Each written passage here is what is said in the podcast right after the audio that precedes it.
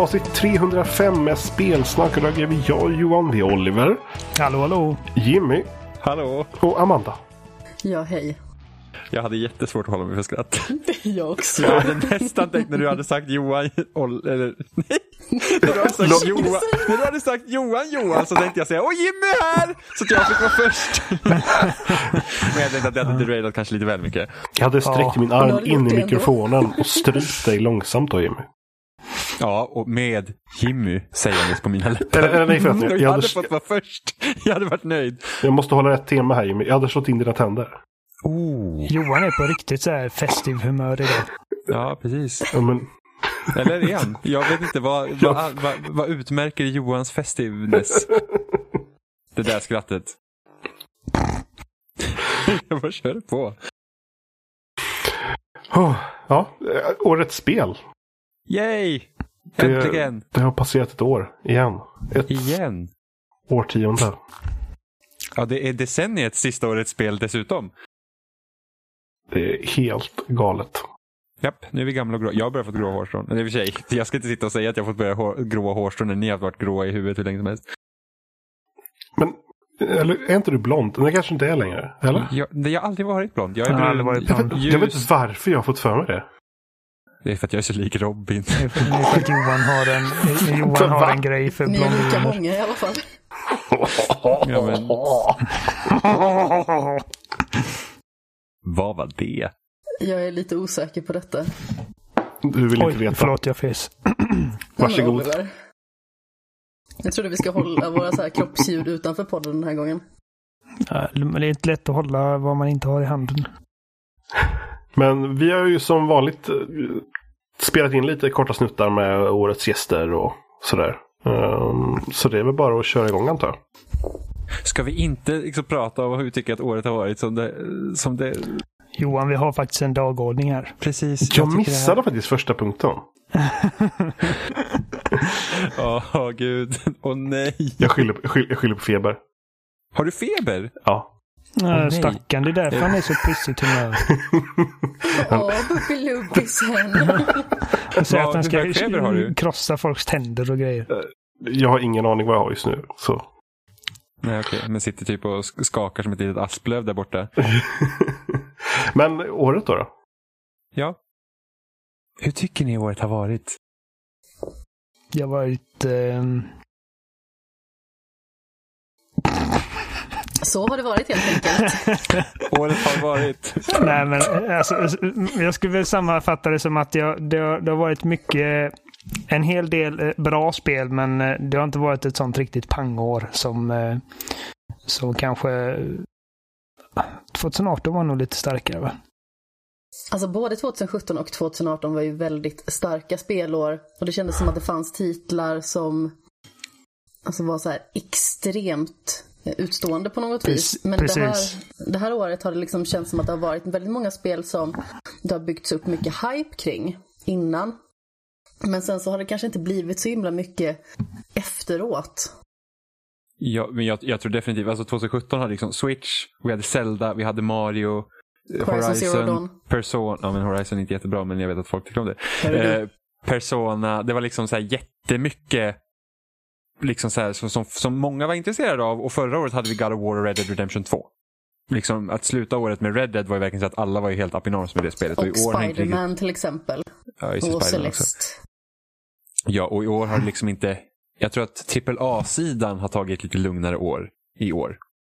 Ja, men det har funnits bra AAA-spel också. Det är bara att ingen av dem har varit den liksom, nivån som God of War eller Breath of the Wild eller Horizon eller eh, de här liksom riktiga pangtitlarna som alla snackar om. Nej men precis, och jag vet att det är väldigt många som neggar på när man säger att det här året inte har varit lika starkt som de två föregående åren. Men det betyder ju inte nödvändigtvis att det här har varit ett dåligt år, det är bara det att det har liksom inte nått upp till de känslorna som man kände under föregående år helt enkelt. Och det betyder ju Nej. liksom inte att det här är ett skitår bara för det. Inget spel har varit så där överväldigande bra att man inte kan sluta tänka på det. Jo, Okej, för Jimmy. för mig, jag typ så här, alltså det spelet Han har jag har lägre valt. standard än resten av oss. Nej, det, det spelet jag har valt det är typ så här, det, är, alltså det slåss ju liksom på samma nivå som typ Breath of the Wild gjorde. Så att för mig har det varit så att jag hittat det spelet som verkligen var så här, okej, okay, det är liksom, när jag spelade det så var det, det är utan tvekan att det här är spelet som ska slås. Det är liksom helt amazing. Och sen så, men, men liksom tidigare år så har det kanske funnits så att okej okay, det här är min etta. För ofta har det varit så de senaste åren att när jag spelar liksom ett spel, okej okay, det här är spelet och slagit och sen har det inte liksom kommit spel som kanske slår det spelet men det har varit spel som kommer ganska högt upp. I år hade jag lite svårt liksom när jag skulle sitta och eh, plita ner min topp fem-lista. Så var jag säga, ja, men jag har topp tre. Och sen blev det svårt. Mm. Så jag, här, jag liksom... vet inte riktigt vad 4-5 ska vara. Så det kan vara det här, det kan vara det där. Men det är liksom inte så att man känner så här, ja, det är självklart att det här ska vara på listan. Nej, nej precis. Jag har ett någorlunda hum om hur min liksom, topp 5 ser ut och då, då rangordnar de inte nödvändigtvis. Uh, men jag har spelat 25 nya spel i år. Jag, uh, I år har jag haft en lista liksom, där jag skrivit upp varje nytt spel jag spelat. Och kanske hälften av dem som jag faktiskt har klarat. Det... Um, jag sitter och kollar på den här nu. Ja, men det är ungefär hälften har vi klarat. Mm. Och det är några som jag fortfarande håller på med. Uh, och uh, alltså när jag tittar på den här listan så tycker jag liksom, som sagt det är en hel del bra grejer här. Liksom det, det är ingenting som sticker ut som någon liksom enorm besvikelse eller någonting som jag känner, fy fan det där var, det där var inget vidare. Utan det har varit en liksom jämn nivå genom året tycker jag. Och det har inte varit liksom några perioder under året där det har kommit alldeles för lite spel eller någon period där det har kommit alldeles för mycket känner jag. Det har varit ganska... Det har varit en, en liksom jämn, eh, ett jämnt år. Ja, men alltså om vi tar typ 2017 för mig så då kom ju Horizon Zero Dawn tidigt och det höll verkligen fast från första sekund tills att året var slut. Det var liksom, det slog hårt och jag visste att det var mitt Goti nästan redan då. Förra året Celeste, i stort sett samma sak. Det spelet som jag har valt i år, det växte liksom lite mer på mig. Eh, när jag spelade det första gången så var jag liksom inte helt säker på att det kanske var det absolut bästa. Eh, även att jag är 100% säker på det nu. Eh, så det liksom tog mig inte med den stormen som de två gjorde just då. Även att det är ett makalöst spel. Liksom. Ja, alltså jag brukar, jag brukar ju bara eh, liksom jävlas med dig och säga att Horizon inte var uh, årets spel. Och det tycker jag fortfarande inte, men jag hade det fortfarande på min topp 5 det året. Um, och jag har var... inte ens spelat Zelda, för jag tror inte att det spelet är för mig, tyvärr. Nej, alltså jag spelade ju Horizon före Zelda. Så att det var ju till Horizons fördel. Jimmy spelade Zelda före Horizon. Det var inte och då, till Horizons Och då kändes fördel. det liksom helt handikappat efteråt. Det var kan jag kan inte gå överallt. Det är jobbigt. Varför är det så här? Ja, jag kan inte klättra för allting. Ja, men det, det, är liksom, det är jobbigt att ta sig runt. Det här är liksom... Alltså, typ den upptäckarglädjen som Breath of the Wild gav, den fanns ju liksom inte i Horizon då. För att de var ju så uppbyggda på helt olika sätt. Mm. Nej, men så det var ju fan. Så jävla fiendeläger också. Fast du har också lovat att du ska spela DLC till det. Ja. Låter inte som Moloken. Eller kan man låta Moloken? Jag kanske bara kan se Moloken ut. Ärligt talat, jag fick verkligen tvinga mig igenom det DLCt. Jag tyckte det var jättebra. Jag vet inte, det kanske var för att jag spelade under en period där, där just den typen av spel inte riktigt gick hem hos mig, men... Men ibland men... har man sådana perioder. Jag har haft en period ja. nu eh, efter att jag klarade Fire Emblem, det är i och för sig eh, ungefär en vecka sedan. En period? Bara. Ja, jag klarade Fire igår. En vecka är väl en period? Nej. jo, men det var säkert, jag har haft en period nu, det har varit så länge. Så bara, ja, när jag klarade Fire Emblem igår klockan 22.00. Nej, men det var ju en spela. vecka sedan. Jag förstår. Det var mm. bara lite roligt. Eh, nej, men jag kände det kanske redan innan dess också, att jag har liksom inte riktigt haft den orken. Det kanske började efter Star Wars. Att, att liksom engagera mig så himla mycket och därför ett spel som Jimmy och jag och Emma och Robin har spelat en hel del i co-op, det är Stardew Valley. Så då startade jag faktiskt en egen sparfil och har typ ägnat mig åt att nästan bara typ gå runt och fiska i Stardew Valley i en vecka. För att jag liksom inte riktigt har känt att jag har vetat vad jag ska ta mig till med mitt spelsug. För jag är sugen på att spela, men jag vet inte vad jag vill spela. Och liksom så här, jag känner att jag orkar inte engagera min hjärna i någonting som kanske kräver lite mer eftertanksamhet på något vis. Mm. Johan, hur känner du att året har varit? Jag vet inte. Det har varit bra. De få spelen som jag har spelat har jag känt varit väldigt positiva. Liksom. Uh, började med Resident Evil 2. Sen har vi Outer Worlds. Det... Ursäkta mig. Jag satte Red Bull i halsen. Men gud. Jag trodde du liksom harklade säga sarkastiskt. Nej. Nej, men, jag höll också på att missa munnen. Överlag när man liksom kollar tillbaka på året så har det nog inte varit proppat. Men det har varit någon sorts jämn takt med, med bra spel. Ehm, Mm. Men jag är nöjd. Mm.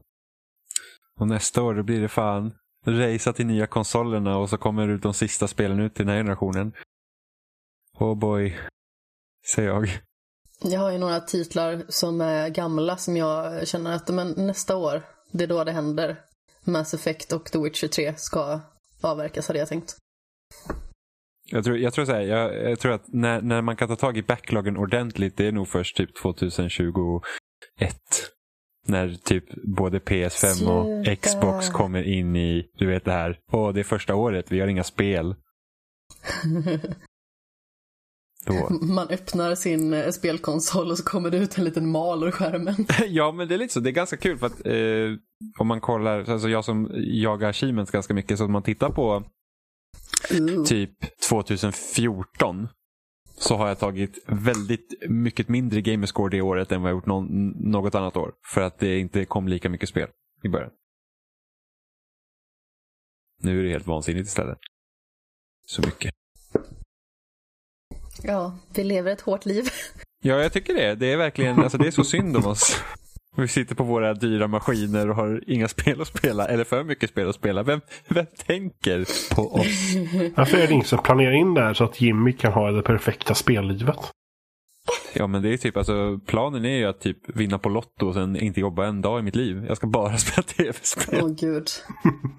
Visst låter det fantastiskt? Men jag måste ju ändå säga att när alla de här trailerserna för eh, The Witcher har rullat eh, typ förbi på Netflix och eh, på sociala medier och sånt. Jag blir så sugen på att komma tillbaka till The Witcher 3 igen alltså. Mm, Jag, jag, jag och Jenny började kolla på den serien idag och jag har varit skitsugen att spela Witcher hela dagen. jag köpte ju vi- Witcher 1 för typ några veckor sedan. Så jag har det på Till Steam. Xbox? Nej, Nej, okej. till PC. Så någon Just det, dag. de finns bara på PC va? Ettan och Eh, tvåan. etta, nej, tvåan finns också på 360 och Mm. PS3. Eh. Tror jag, jag är inte säker om det kom till PS3 eller inte. Jag vet att det finns på 360 i alla fall. Men eh, ettan finns bara på PC. PS3. Oh. Så vad säger du Johan? Ska vi köra igång? Ja, men eh, vi börjar med Adam antar jag. Ja, då ska vi lämna över ordet till vår kompis Adam Holmberg som är här för att berätta vad han tycker är årets spel. Välkommen hit Adam. Tackar, tackar för att jag är välkommen igen. Det är klart du är. Hur är läget? Jo då, december och allting sånt. eh, Det är helt Mm. okej ändå. Juletider. Oh ja.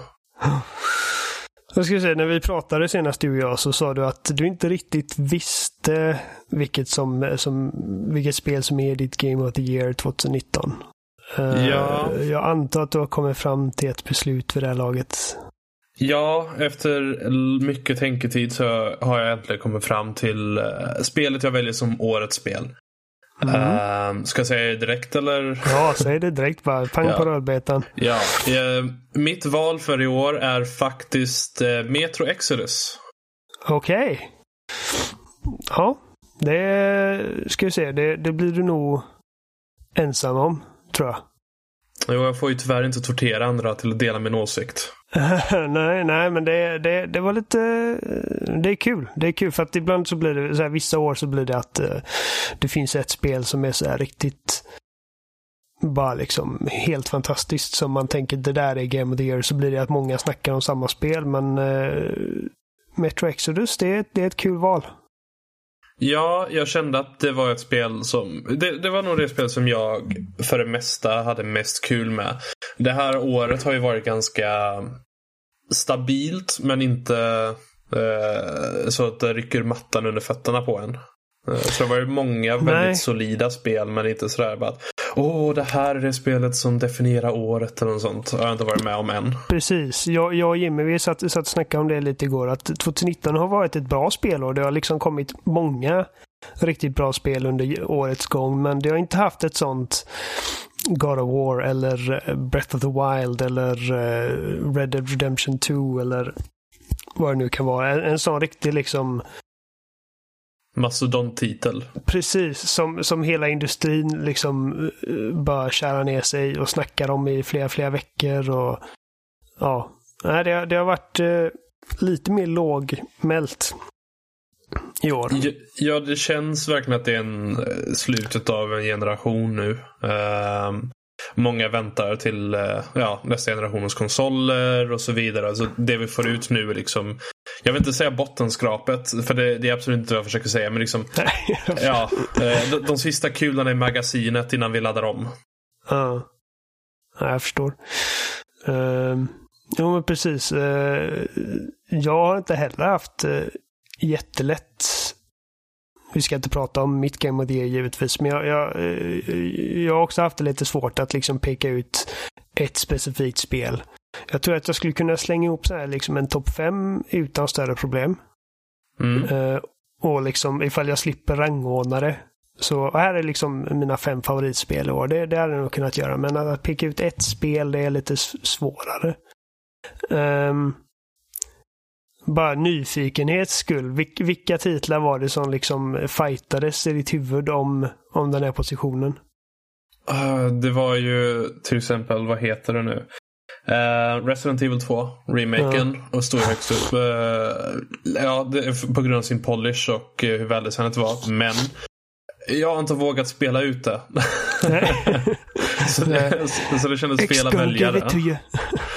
Ja, Mr X där. Eh, så, eh, så jag kunde tyvärr inte nominera det. Sen har vi Outer Worlds som är ett solitt rollspel. Men jag kände att det inte riktigt eh, gav mig exakt det jag ville ha. Eh, och ja, Devil May Cry 5 eh, var ju vettigt. Men jag, jag är inte den som spelar Devil May Cry på det sättet. Jag spelar igenom det bara en gång och sen är jag nöjd.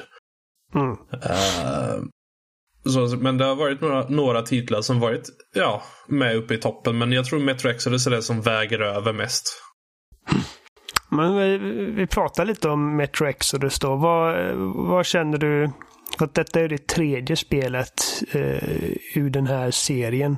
Mm. Utvecklat av, eh, är, är det 4A de heter? 4A Games.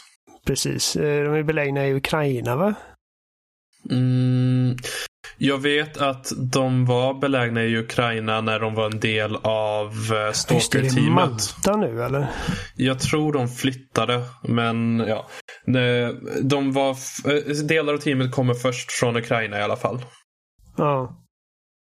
Eh, en serie baserad på eh, bokserien Metro. Ja. Av en rysk författare som jag aldrig eh, kan uttala Eh, ordentligt. Gl- Glukowski tror jag är efternamnet på honom, om jag inte minns fel. Dimitri eh, något. Ja. jag har läst den första boken. Den är, den är, den är spännande. Eh, Mm. Och eh, jag, jag gillar ju Metro-serien, alltså spelen, väldigt mycket. Eh, vad känner du med Exodus som, som får det liksom att... För jag antar, tycker du att det är det bästa spelet i serien? Jag tycker att det är det mest slipade och polerade spelet i serien utan tvekan. Um, då, det, de tog verkligen det som var Metro-serien med uh, sin överlevnad och sådana saker och expanderade det till sina lite mer öppna världar. Uh, de hade, vi hade ett större område att leka med. Men det var inte till eh, en överdrift. Det blev inte ett Ubisoft öppet världsspel. Utan det blev eh, någonting lite mer genomtänkt. Mer, mer episodiskt. Mm. Eh, så jag tyckte om att de kunde ta det som fortfarande känns metro, eh, metro med små överlevnadsgrejer och liksom kombinera det med någonting nytt. Och jag tyckte det var tekniskt ett av de mest avancerade spelen jag har spelat. Det var fantastisk grafik. Ja, det är Ehm, riktigt snyggt.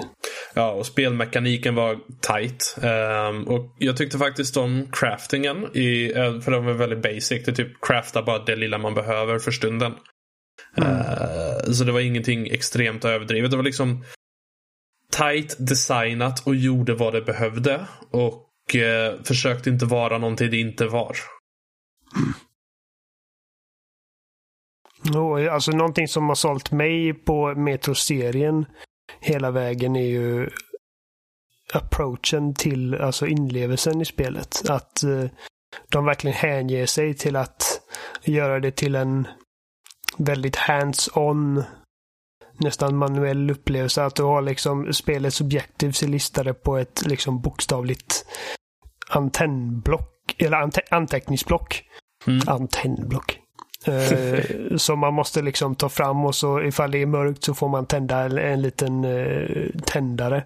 Eh, som, man får, som man kan läsa och som står på blocket. Och du får ta fram tändaren för att bränna spindelväv som är i vägen för dig. Och du måste wipa Alltså torka bort imma som bildas på visiret när du har din eh, gasmask på dig och hålla koll på hur länge gasmaskfiltren eh, håller sig färska innan du måste byta. och Du måste liksom ladda upp ditt eh, batteri för ficklampan och night vision och så med en så här liksom jag vet inte ens vad man kallar det. Alltså du, En liten du, handgenerator. Ja, du liksom eh, tar fram en, eh, en liten minigenerator som är typ en spak på som du liksom pumpar. för att generera tillräckligt med elektricitet för att liksom ladda batteriet. Och, eh, och jag älskar den aspekten av det. Att det känns verkligen som att man man är där på ett sätt som, som få andra eh, shooters eller eh, FPS-spel eh, får en att känna. Mm. Alla de här små mekaniska dragen och detaljerna hjälper till. Att liksom, det är en stor del av upplevelsen. Och det är inte bara stilistiska val utan det, det passar verkligen in i den världen vi är i. Mm. Uh, så jag respekterar Metrospelen väldigt mycket. Och jag, jag blev så imponerad över att de fortfarande kunde behålla allt det som du nämnde från de tidigare Metrospelen. Och sen bara, ja men nu är vi ovanför marken och nu är vi uh, och springer runt och utforskar bygg uh, några byggnader och har uppdrag och sådana saker. Jag blir imponerad över att hur sömlöst det ändå var att byta stil. Precis, för, mig, för att uh, merparten av tiden i de föregående spelen har ju tillbringats ner i uh, de ryska uh, tunnelbanorna. Mm. och här så tar man sig upp från dem och liksom man, är, man utforskar ändå liksom små kompaktare områden från och till. men generellt så är du ju ändå uppe på liksom markytan. Mm. Um, och ja, nej men det, det, har, det har bättre miljövariation än vad man haft förut kan man ju säga. Ja, och, och, varje nytt område har nya former av utmaningar och hinder och monster och sådana saker. Jag um, hatar kräftorna alltså. Det, ja. det, låter helt fruktansvärt. alltså, de, typ, de låter äckligt, de ser äckliga ut och de liksom typ ligger typ på strandkanten och väntar på sitt byte. Alltså, tänk liksom en du vet vad jag menar, men alltså, jag ska försöka beskriva det här. Tänk en kräfta stor som en valross. Som skriker och vill äta upp dig. Det är liksom helt skräckinjagande. Ja, det, det, jag är mest rädd för spindlarna. Uh, du har ju spelat Metro Exodus mm -hmm. själv ju.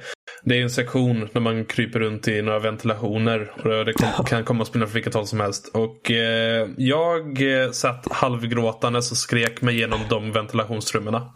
Grejen är att eh, alltså man har ju mött spindlar förut i serien och eh, det de är stora och de är äckliga och de svärmar dig men de gillar inte ljus. Så det man mm. har haft som försvar är liksom ficklampan. Man lyser på dem och, de, och det gör ont för dem för att de är vana liksom var nere i mörkret. Mm. Uh, och det är ett tillfälle i spelet så liksom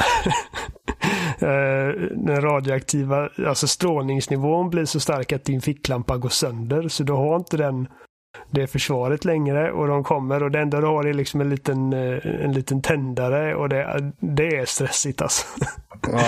Ja, man hör dem liksom typ springa på väggarna så här typ. Liksom. Asäckligt.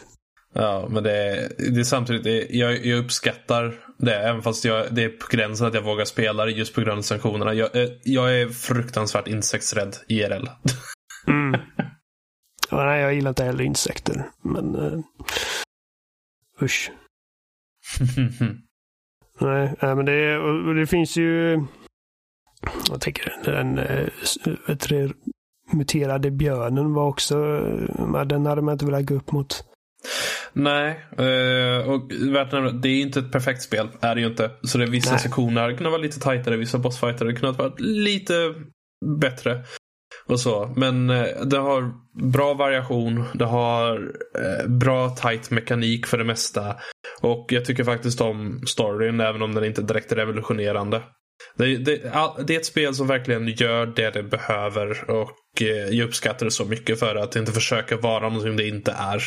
Mm. Det är inga live service modellgrejer. Det är ingen Ubisoft eh, tusentals uppdrag plottrade över otaliga kvadratkilometer. Liksom bara varje sektion är tight designat eh, hela tiden. Det, det, det, är det jag verkligen respekterar det för. Och jag respekterar det för att, eh, för att det är liksom ett open world-spel som inte håller dig i handen och säger åt dig hela tiden exakt hur du ska göra och vad du ska, och, vad du ska göra i vilken ordning. Utan spelet eh, litar på att du kommer komma fram till de grejerna själv. Även om det givetvis finns eh, liksom små markörer som säger att okej, okay, det är hit du ska, annars hade man inte hittat någonting. Men mm. eh, det, så det, points of interest och sånt får man ju upptäcka själv också med kikaren. Allting ja. är ju liksom inte utmarkerat för dig. Alltså det får mig faktiskt tänka lite på, du vet Crisis 1 när det kom. Mm. Med de här de öppnare banorna. Det är typ de enda banorna folk tycker om från Crisis. Mm. Det känns lite som en ny generation av det. Ja, um, ja men just... liksom... Mm. Nej, ursäkta, säg. Nej, nej, utan just för att det är de här lite öppnare, lite mer friare där vi kan tackla olika problem på våra egna sätt. Sådana saker. Mm. Uh, det, det, är någonting jag faktiskt ser fram emot och hoppas vi får lite mer till nästa generation. Att det inte bara är sådana här linjära actionrollspel. Eller eh, rollspel överhuvudtaget som är liksom pang pang gör det här. Utan någonting där man, vi får lite mer frihet och eh, förmågan att utforska inom rimliga mm. ramar. Mer svängrum. Ja. Utan att det för den saken skulle liksom göra det till ett mer liksom traditionellt open world-spel där där allting är liksom en checklist mm. att, att eh, ta sig igenom. exakt. Men då så Adam. Mm. Det var Metro Exodus. Ja, då, eh, då var ett år över så får vi se vad som väntar nästa år. Nästa år blir spännande. Uh, nya konsoler. Cyberpunk. Last of Us 2. Cyberpunk. ja. Uh, Doom Eternal. Ja, just det. Ja, det blir, det blir mycket bra grejer nästa år. Men då så, då, då, får jag tacka dig för att du har medverkat den här gången och eh, överlag under året. Och så Tackar för att jag fick komma. Välkommen. Ja, absolut. Du är välkommen tillbaka 2020 också givetvis. Mm. Men då återvänder vi till panelen som man säger. Ja, eh, det var Aron det. Eh, nu ska vi gå rakt på den långe Jimmy. Den långe. Den mm. långe också. Till skillnad från en Mastodonten. Du vet inte hur lång jag är. Jag vet inte. Du är fem meter lång mm, Jag vet också hur lång jag är. Va? Är det sant? Mm, jag vet det, kan man tänka sig. Jag vet det... inte hur lång jag är. Jo. Ja, jag vet på ett ungefär, men jag har inte mätt mig sedan jag var typ 16. jag, vet, jag vet inte om jag är 1,40, 1,50 eller 1,60. Nej, men jag, sist jag mätte mig så var jag typ 16 år eller någonting och då var jag 1,73. Så rent hypotetiskt så skulle jag kunna ha växt någon centimeter till. Ja, jag växte Jag menar- min sista centimeter när jag var 19. Alltså, Amanda, du och jag är väl ganska jämnlånga. Ja, någorlunda.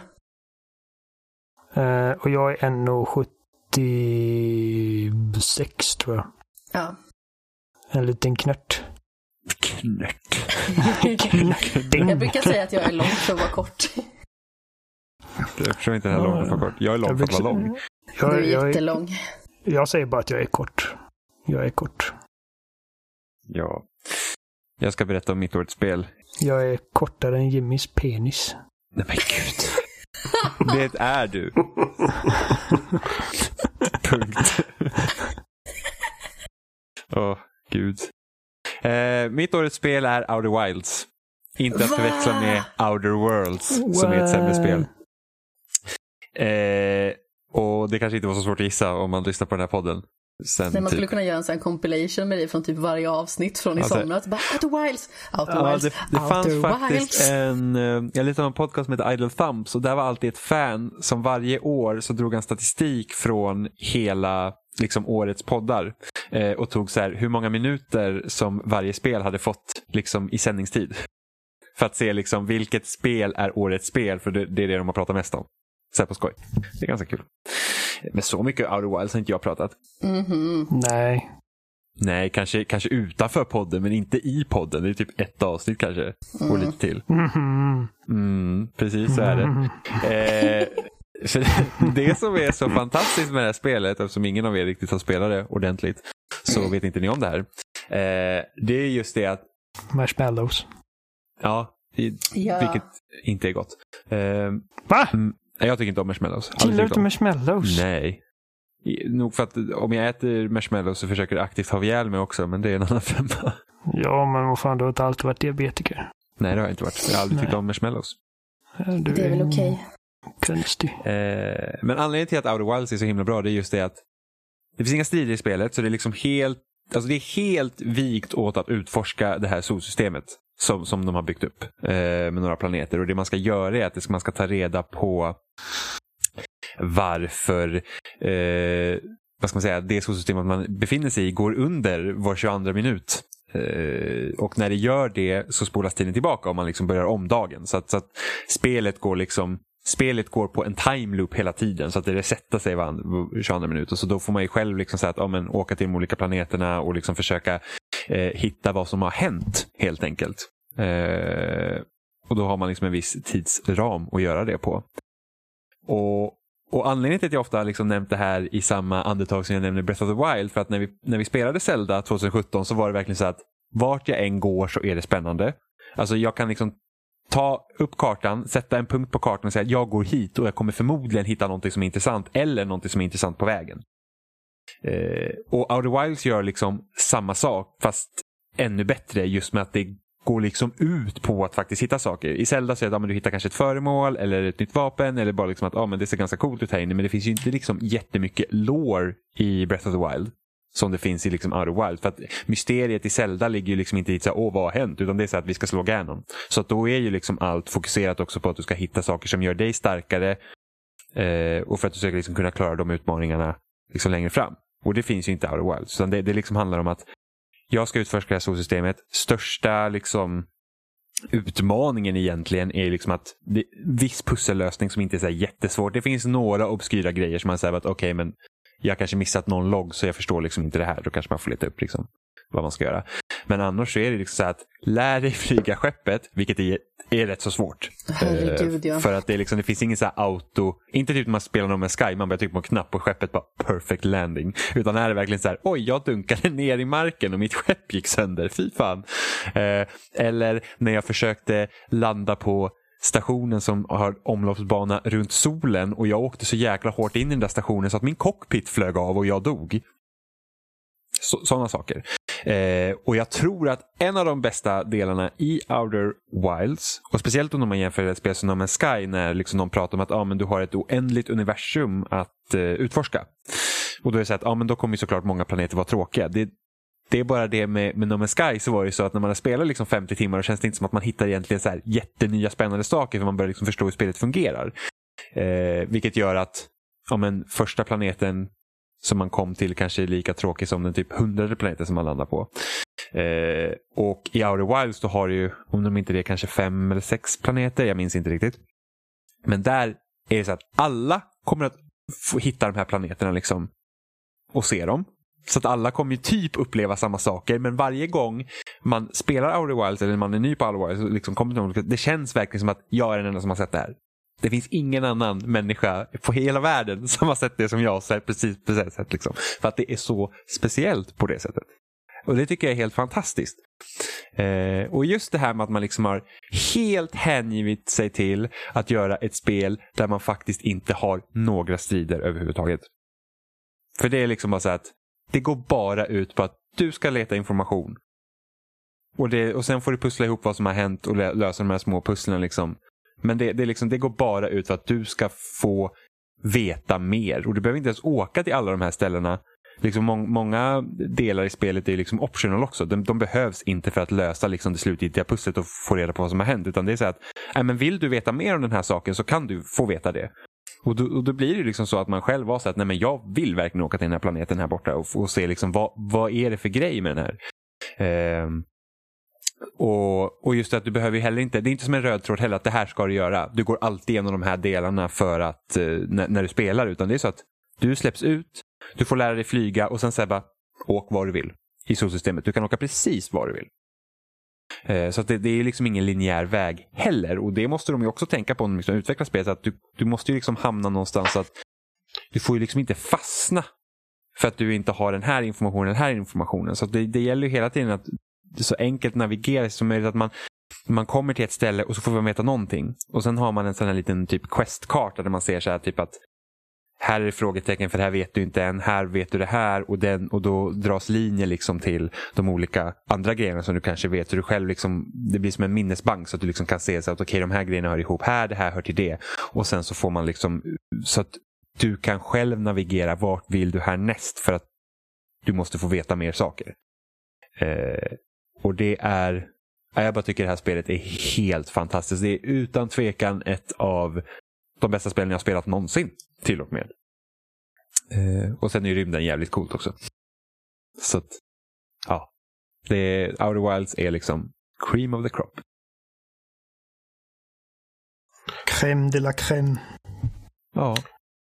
Ja, vi... oh, hjälp. Vi, vi kör på antar jag. Nu blir det Kiki och Alicia. Ja, då sitter jag här med både Kiki och Alicia som ska prata om eh, sina spel de har tyckt varit bäst under året. Mm. Eh, ja, vi börjar med dig Kiki då. Vilket ja. spel tycker du har varit bäst i år? Ja, man kanske skulle kunna tro att det var Tetris 99 med tanke på mitt dedikerade avsnitt, men i slutändan så är mitt val Katana Zero och jag dragit lite fram och tillbaka om det är Katana Zero eller Baba Zero. Det två spelare spelar ungefär lite samtidigt. Jag tänkte så ah, och eh, och, ah. För det är verkligen så här, de, de gör ju två helt olika saker men det är verkligen så här omfamnar verkligen båda de nästan polerna av vad, vad jag helst vill se i spelgenren. Liksom, spelgenren. Spelmediet. eh, I sina respektive genrer. Mitt, mitt val blev Katana Zero för det, det är verkligen det här. Det, det, det, det är ju det här med att mycket i berättarna av spel utgår ju från eh, andra medier. Vanligast liksom är film. Mm. Att vi tänker på hur, hur, hur saker fungerar i film. Men Katana Zero har ju verkligen så här, inte bara valt att göra de flesta mellansekvenser med dialogval och sånt eh, interaktiva. Det är också det här med att hela spelets inramning utgår från att det är ett spel och gör då alla små spelmoment som att du dör eller att du liksom eh, ja, kan, kan uppleva om eh, ögonblick och sånt där. Allt sånt förklaras inom spelet med en logik och det gör att hela spelet känns eh, väldigt fräscht på det viset att det, det, det, det vet att det är ett spel men gör det liksom, tar det med, med liksom självsäkerhet. Och det blir ju det att vad, vad det på ytan är, är ju ett eh, Hotline Miami liknande plattforms actionspel där du är en samuraj som mördar folk.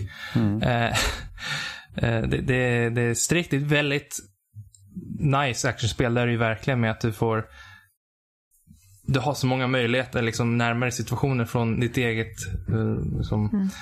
sätt. Och då kan du verkligen vara både kreativ och finurlig med hur du löser de olika situationerna. För det är verkligen så här, det, det, det, finns många olika sätt att ta sig an en situation. Eh, och det ramas så in i att du är en, en tidsmanipulerad drog som gör att du helt varje gång du misslyckas så, nej men det där hände inte. nu, nu vet du det, nu gör vi om det. Eh, Jag åker tillbaka igen. Men, men det är just den här drogaspekten som, som på riktigt liksom kopplade med mig. För eh, vad då, som då händer inom narrativet är att eftersom eh, huvudfiguren då tar den här Kronosdrogen som gör att han eh, kan existera som en spelfigur eh, så får han ju den här liksom eh, konsekvenserna, biverkningarna av att eh, eh, ja, ja, men det, det, den här medicineringen blir ju helt enkelt som eh, många vanliga medicineringar i, i, i verkligheten. Eh, och det är eftersom jag själv går på medicinering så, mm. så kopplar jag väldigt mycket till att oh shit, det här är precis samma saker jag själv gått igenom med, med ett vettere, om, vare sig det är att gå till doktorn och säga så här, hej, eh, jag skulle vilja ha de här tabletterna men, och, och, och läkaren är mer intresserad av andra saker och pratar om sånt. Mm. Och så måste man verkligen traggla igenom det. Eller helt enkelt att du vet, det är det här med mental ohälsa leder ju eh, ofta till att du, du, du, tar medicin men det är kanske inte den perfekta lösningen utan snarare att du byter en sak mot en annan. Och det är ganska talande med att eh, du då helt enkelt i det här spelet får uppleva den där eh, kontrasten av eh, med och utan medicin. Men också vad, vad det gör med dig. Eh, på ett sätt som, alltså, det, det, det har jag sagt till er flera gånger, det här är 2019 års Celeste. På det mm. viset att det, det, det, behandlar lite samma tema fast ur en annan vinkel. Eh, där Celeste är lite såhär, ja. Jag har haft mycket panikångestattack och sånt där, liksom mycket erfarenhet med det. Eh, och det fångade Celeste väldigt bra som ett spel. Och då är Katana Zero nästa steg, okej, okay, men vad händer när du börjar ta tabletterna då? Eh, så, så, det var ju väldigt liksom, personligt eh, kopplade till mig. Eh, sen finns det ju andra aspekter av narrativet. Jag och Alicia gjorde en, en video om det här. Mm. Var det, vad, vad, man kan läsa ut från det. Och det är, I grunden är det väl lite en så här gammal klassisk moralsaga om att hitta den rätta vägen och kunna förstå vad man själv kan göra för, för gott i världen och allt det där. Typiska. Men det är liksom så här, det, det är inte att understryka att det är själva actionmomenten och allt det där är vad du faktiskt gör i spelet är top notch eh, i sig. Men att det plus det här narrativa elementet mm. verkligen var som fick det att inte bara sticka ut men också sätta sig eh, på ett personligt plan hos mig som verkligen mm. någonting som definierar det här mm. året. Det som är nice är ju när spel kan utnyttja faktumet att de är spel mm. och liksom kontextualisera sitt gameplay så att Precis. säga. Och koppla det till narrativet. Mm. För det är ju det som Katana Zero gör väldigt bra. Eh, när du, du väl hamnar i de här liksom withdrawal-scenerna mm. kan man väl säga. Där eh, huvudkaraktären faktiskt inte får tillgång till den här drogen. Mm. Eh, börjar få eh, upplevelser som, som många antagligen kan känna igen sig mm. i. Inte tvunget då, ingen kan ju som sagt såklart känna igen sig i att vara en, en samuraj-seriemördare. Eh, som, som kan hoppa i tiden typ. Men, men det här att, att få flashes liksom eh, sömnparalysering och, mm. uh, och sådana saker. Liksom, Brain saps. Det, ja, spelet precis. gör jättebra hela tiden. Och bara Den där. Ja men Och det är precis, så- väldigt som- som- snabba saker. Jag tror de flesta som inte har haft en brain zap förstår vad det är, men alla som har haft det bara, ah, det är det. Ja. Det är verkligen helt plötsligt så bara, en liten som en statisk radio eller någonting i huvudet och, ja, nej fuck. De här hallucinationer och sånt. Alltså, det är liksom väldigt, väldigt påtagligt. Det är liksom så här. Eh, det som vi har pratat om tidigare också är ju liksom det här faktumet att det också pratar lite om alltså, hur, man, hur man finner sig i de här sakerna. Hur man eh, hittar eh, liksom glädje eller åtminstone liksom får, får sätt att hantera sin situation på genom vardagliga medel. Eh, som att spela tv-spel. Ja, exempelvis. Mm. Det är ganska intressant det där liksom med för jag har själv också gått på mycket mediciner och sånt men jag har aldrig haft det för liksom mentala grejer utan Nej, det har mer varit liksom andra. Så att jag har liksom haft, både haft eh, cancer och jag har liksom diabetes nu. Eh, vilket gör liksom att det enda jag liksom kan känna igen till exempel alltså när, jag hade, när jag låg inne på sjukhuset och liksom fick cellgifter var det att för att få bort illamåendet så fanns det ju liksom grejer det här med att jag mår så illa nu att jag vet liksom inte vart kroppen ska ta vägen och sen så finns det liksom en medicin som hjälper som man sprutar liksom direkt in i blodet och man bara känner Ja. liksom hur liksom hela Ja. Alltså ens liksom mentala state bara ändras precis. liksom direkt. Det bara så bara okej allt försvann liksom och så får man liksom den här Ja. nästan Då- då- kanske som då- en hit liksom. Men Ja.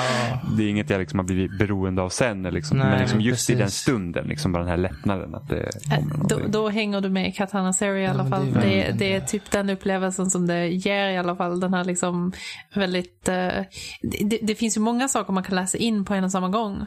eh, till det här spelet liksom. Det är ju inte... Det är ju den mesta liksom, Ja. psykisk ohälsa eller medicinering Precis, jag skulle kunna se att om, om man har haft drogrelaterade problem så kan man säkert läsa in där också. Sure. Det kan nog vara lite både och. Eh, för jag har aldrig riktigt varit drogmissbrukare, alkoholism. Det har de där också. Det har en scen där, där, där man går, går till en bar och dricker för mycket. Det är också, det, det, det är lite eh, att vi fångar alla, alla aspekter av det substans. Både liksom det lagliga och det olagliga. Eh, För det är också en scen där man snortar kokain och, och skär upp det med katana. Just det. det är rätt nice. Eh, du behöver inte ha det dock. Nej. Du behöver inte snorta det. Jag snortade inte det, för jag är en good girl.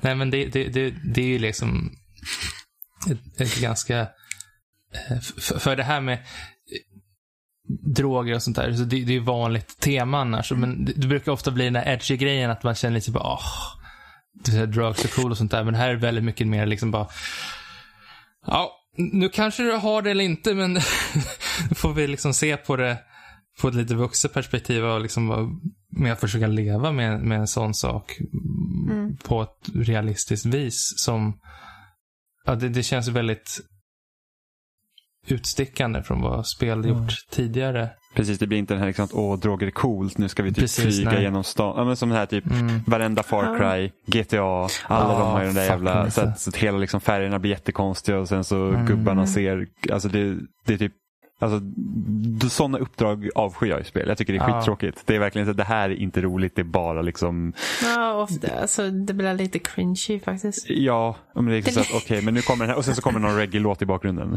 Ja, såklart. Ja, men det, mm, precis. obviously, vad annars? Alltså det var liksom okej när, eh, när eh, Far Cry 3 gjorde det, typ 2010. Eller vad tusan det Far var. Cry 3, när var det? Det var inte 2012. 2010. 2012. Men det är liksom, vi har kommit en bit. Ja, och men sen var det liksom, åh men det där ska vi ha igen och så bara, ja men nu bränner vi ner uh. marijuana-odlingar och lyssnar på reggae och typ wow Ja. man.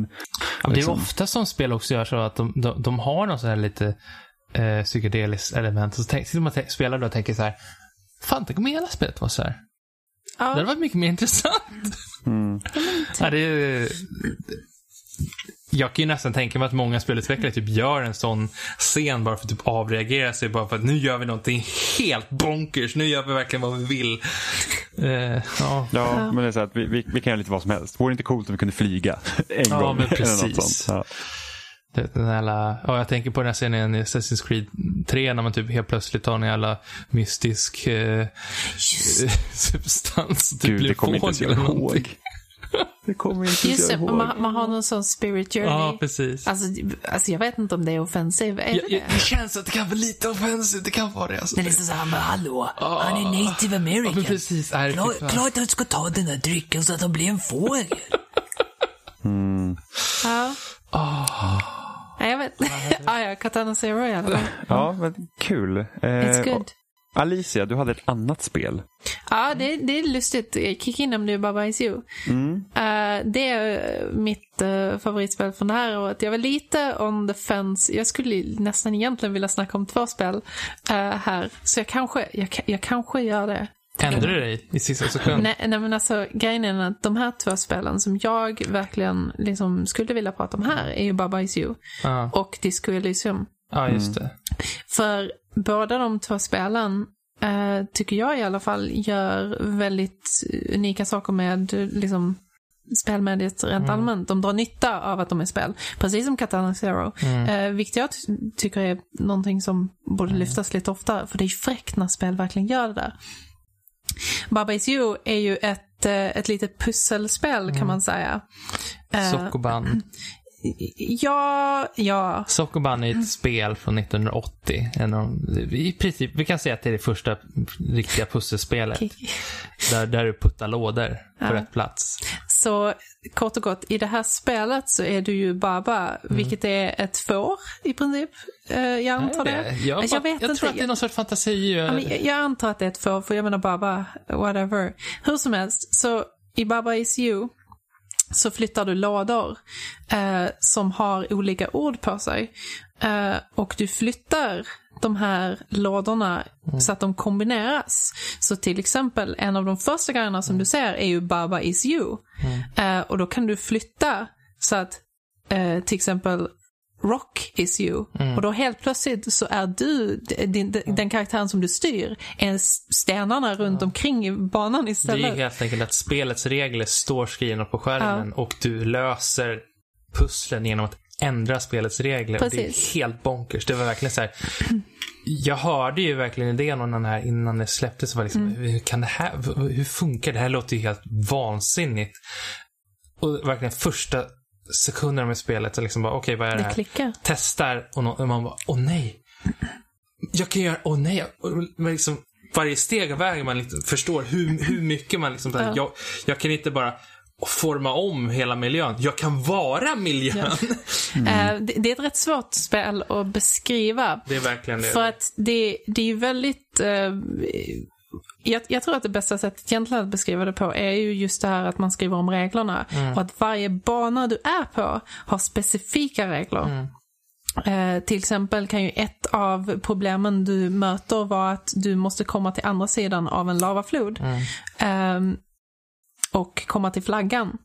Eh, för att flaggan är ju win. Eh, Precis hela ja. tiden. Inte nödvändigtvis, Ibland. men huvudsaken i alla fall där, Kiki, är ju att då kanske du exempelvis ska få eh, lavan att eh, försvinna på något sätt genom att ändra om koderna som finns runt omkring här, liksom med de här blocken. Ehm, och det är väldigt spännande, det är väldigt klyftigt och fruktansvärt svårt ibland. Eh, men alltid logiskt. Eh, det finns ju väldigt, eh, det baserar ju sig väldigt mycket på skriptspråk skulle man kunna säga. Har du någonsin liksom skriptat eller överhuvudtaget liksom tittat på någonting sånt så, så förstår du nog det här liksom för det är väldigt, eh, väldigt, väldigt strukturerat, väldigt enkla saker. Att du kan ju liksom säga Baba is you and och så vidare liksom.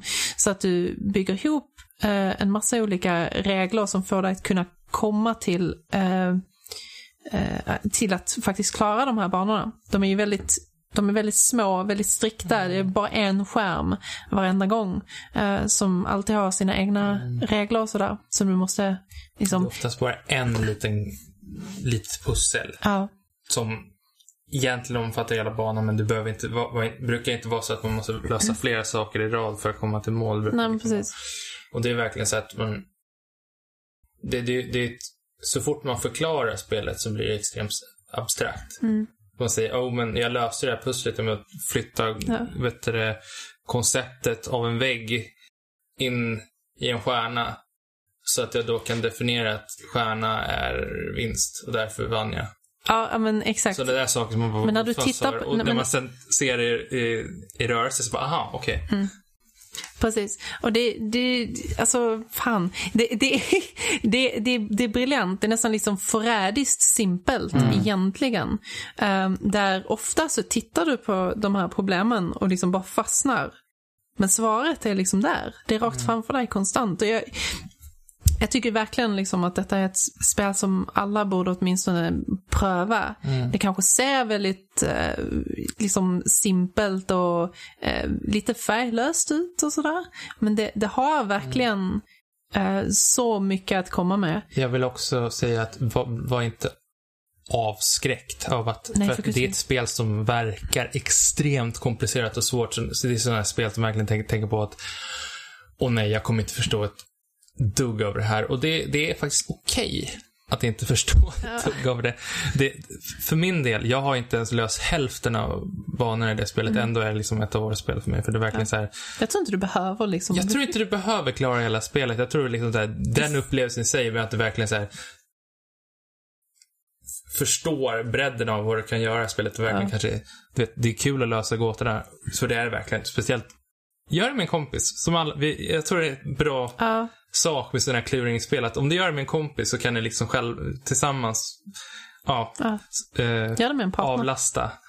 Eh, Men det är verkligen så här spel att bara att få leka runt med hur spelet funkar i sig Mm. var nog för mig för att det här är det mest liksom nyskapande jag spelat på jag vet inte hur länge. Ja.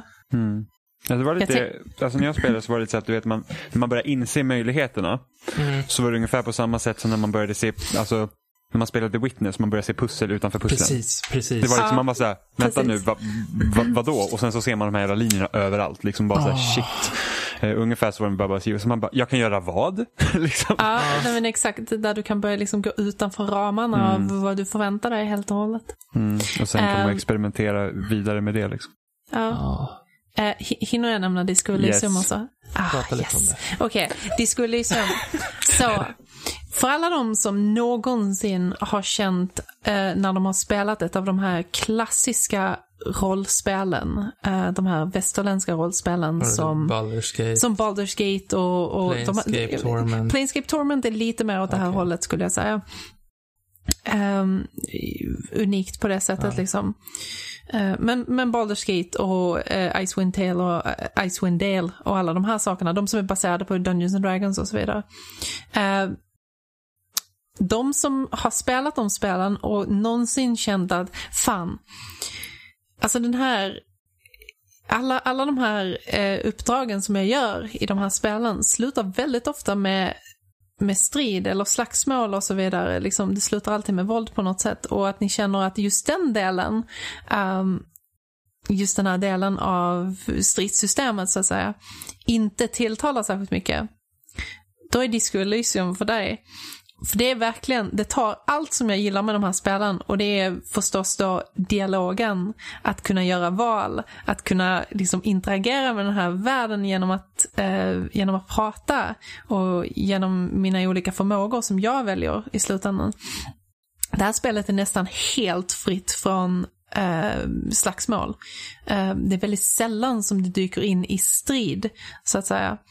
Eh, allting bygger istället väldigt mycket på att du liksom interagerar med världen genom Men att prata och så vidare. Är det så att om man till exempel vill slåss, går det att styra spelet åt det hållet Det, fin- det, fin- det finns möjligheter att slåss, absolut. Men det är lite mer lågmält kan man säga. Ehm, det, istället så skulle jag väl vilja säga att spelet... Ni skulle ju se om uh, belönar dig eh, för att rollspela, Mm. kan man säga.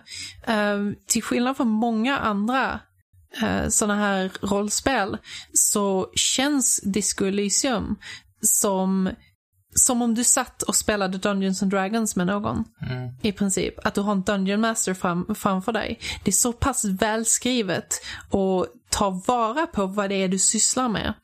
Eh, och liksom hela tiden eh, hela tiden liksom reagera på vad du gör. Eh, i det här spelet är det så pass, eh, skulle jag vilja säga, fräckt, eh, att alla dina skills, eh, alla dina förmågor är representerade av karaktärer, kan man säga. Eh, Så till exempel perception är en karaktär, conceptualization är en karaktär. Um, och de här karaktärerna, eh, beroende på hur mycket, hur mycket poäng du har lagt i de här, eh, interagerar med dig personligen eh, under spelets gång. Så när du kommer in i dialog med andra karaktärer så börjar exempelvis perception prata med dig. Att liksom så ah, du ser de här sakerna och liksom ge en massa flavor till de grejerna. Har du, eh, har du exempelvis poäng i drama, eh, då kommer du att få idéer till, som, som den här då karaktären ger till dig under dialoger. Så till exempel, nu kan jag säga liksom bara att shit, hej, nu, nu är din chans att verkligen sätta dit dem. Det, det, så här, det, det är dags att du använder det här eh, ID-kortet som du stal där borta. Nu är det dags, liksom. Nu är det dags. Och så, gör, och så, och så blir du lurad in till att göra det. Men hej, snubben som är på den här eh, ID-kortet liksom, utan att tänka då ju såklart, för du lyssnar ju på den jäveln liksom. Så visar du upp ID-kortet och personen du står och pratar med, han bara, det där är inte du. Den snubben är svart. Och du bara liksom såhär, fuck I knew that! Och, och så bara svarar liksom drama tillbaka och bara så här, I guess it wasn't the right time. Alltså du vet liksom så här, det är väldigt, ja, men det är väldigt, det är väldigt liksom roligt på det Så det är sättet. så ett eh, dialogsystem som inte bara räknar in dialogen utan också din egen tankeverksamhet. For sure. Eh, och också, som sagt, det försöker, det försöker hela tiden eh, driva dig i kreativa riktningar. Där liksom, hej, där kanske är saker som du inte har tänkt på. Eh, så noddar de dig dit liksom genom att prata med dig. Liksom så här, hela tiden ger dig tillräckligt mycket flavor, ger dig tillräckligt mycket eh, egen frihet. Men också bara så här, hej, kanske det skulle vara kul att göra det här. Eh, spelet är väldigt eh, liksom inriktat på att både så att du både ska kunna spela det helt seriöst och helt fruktansvärt bonkers. Har du någonsin varit i en riktig rollspelskampanj eh, med en Dungeon Master och så vidare så vet du att det finns både de som vill spela seriösa kampanjer och de som vill spela oseriöst. Eh, och det här spelet verkligen tillåter allt. Det finns ett tillfälle, jag, så här, mild spoiler nu allihop. Ehm, väldigt, väldigt mild. Men jag vill bara, så, så stäng av en stund om det är så att ni eh, inte vill höra detta. Men det finns ett tillfälle i det här spelet eh, där din karaktär och hans partner eh, står vid, vid en plats och partnern nickar mot dig. Och du kan välja att nicka tillbaka. Han nickar tillbaka till dig. Och sen kan du fortsätta nicka tillbaka. Och han nickar tillbaka. Och du nickar tillbaka. Och han nickar tillbaka. Och sen nickar du tillbaka. Och till sist så kommer spelet att liksom göra såna här eh, liksom tärningsrullningar för att se så att du inte skadar dig. Eh, för att du gör det så pass många gånger så att till sist så knäcker du nacken och dör. Nej men gud. Det är jättebra! Alltså det är liksom så, det här spelet är så jävla smart och det är så jävla roligt. Det låter som ett spel man kan spela väldigt många gånger. For sure. Utan tvekan. helt andra saker. Definitivt. Du kan dö de första tio minuterna typ. Det här är inte ett svårt spel ska sägas. Men du, du kan seriöst, om du gör någonting lustigt så kan du lyckas liksom göra de här helknäppa sakerna. Eh, och bara baserat på dina liksom, förmågor så kan det förändras helt och hållet. Mm. Eh, verkligen rekommenderat. Så fru- och fan, det, det, det kommer till hört jättemycket om PS4. det. Det, det, kom ju i typ i början. Mm. oktober och jag hörde inte så mycket om det men det var liksom kanske den senaste månaden eller någonting så jag plötsligt, det var liksom att det kom och, och ingen riktigt visste vad det var. Sen så jag plötsligt liksom började bubbla upp och då Ja. har jag hört jättemycket så här, alla som spelar är helt begeistrade så jag känner liksom, okej, jag borde nog testa det här. Du har, spel, du har köpt det så jag kan ju, Ja. jag, jag, Det var ju när du skaffade det så jag plötsligt så var du fast där. Och du bara, Ja. nu måste jag spela med Disco Elysium, okej. Och så var det, så du hela tiden bara ropade du mig och komma och titta. Jag liksom så här, jag har ingen kontext av vad som händer. Jag antar att det här är bra. Ja, men du kan klappa en postbox och den, den tittar tillbaka på dig och, och ser glad ut. Snälla brevlådor. Ja, alltså, jag, det- alltså, ja, det är fantastiskt. Det är Ja, verkligen det, det är fantastiskt. ett av de spelen som jag verkligen så här, ja, velat spela nu. Det kommer till slut. PS4 i början av nästa år. Oh, så och- om ni inte har en Xbox PC också. så... Ja. Eh, så, så k- kör på det, Jesus. Eh, Men tack så mycket Ja. för att ni ville vara med och berätta om eh, de spel ni tycker har varit bäst. Yeah. Så var hittar man er i vanliga fall? Vi, Ja, har vi har en YouTube-kanal. vi har börjat en YouTube-kanal senaste månaden eller så. Eh, Transparency heter den. Där Ja. vi gör eh, lite mer krönikoriktade eh, videor på engelska nu för att hitta en större publik. Eh, och då har vi till exempel gjort en video som handlar om Katana Zero och hur det förhåller sig till Hotla Miami. Eh, den rekommenderar jag. Eh, annars Okej. så har vi våra vanliga Twitterkonton. Ja. Alicia Pixelpie och jag Fröken Keke. Ni kan även hitta alla våra texter som vi har skrivit på loading, även våra videoklipp eh, på vår eh, lilla gemensamma portfolio-hemsida, eh, transparens.net. Mm. Ja, så är det. Nice. Ja då. Så, tack för att ni ville vara med än en gång. Ja. Puss! Och där var det klart. Eh, nu ska vi gå rakt på Amanda. Ja. Vad kan det vara? Eh, Outer nej, Wilds. Men, hörru du. Försök inte några lurefaxerier där i bakgrunden. Ah, Jag spelar ut Horizon igen. Och det är så bra så det får vara gott i år också. Tycker jag att vi är lite hånfulla här kanske. Men, nej, jag har aldrig varit hånfull i hela mitt liv. Men det var ju väldigt roligt för att eh, det första avsnittet som jag var med i Spelsnack det här året, då var jag ju fortfarande gäst och då pratade vi om Fire Emblem Three Houses som jag länge trodde skulle bli mitt Goti. Men eh, någon månad senare så fick det på tafsen av eh, Sayonara Wild Hearts faktiskt. Som utan tvekan är mitt Goti i år. Det var ju så att jag spelade igenom det och det är ganska så lätt att ta sig igenom en full genomspelning av Sayonara Wild Hearts för man får en väldigt intensiv puls och man rycks hela tiden med av själva spelet i sig. Det är ju som ett spel i albumform egentligen. Så du spelar igenom låt för låt. Man kan hela tiden känna den här pulsen genom kroppen och det är väldigt svårt att sitta stilla samtidigt som man faktiskt spelar. Men det var inte förrän andra gången som jag spelade, då spelade jag faktiskt ihop med Jimmy. Mm. Eh, och det var då jag verkligen fick så här luta mig tillbaka för vi spelade i stort sett varannan bana. Så som man gör. Och jag fick luta mig tillbaka och verkligen betrakta spelet ännu mer än vad jag hade gjort första gången. Eh, och det var där jag kände att amen, det här är årets spel för mig hittills. För att dels så har det en väldigt liksom säregen musik. Den är liksom elektroniskt poppig och så energisk så det är liksom svårt att liksom inte ryckas med. Eh, och sen så är estetiken väldigt säregen också. Det är väldigt vackert att titta på. Och eh, trots att det blinkar så pass mycket som det gör så är det liksom svårt att slita ögonen ifrån det.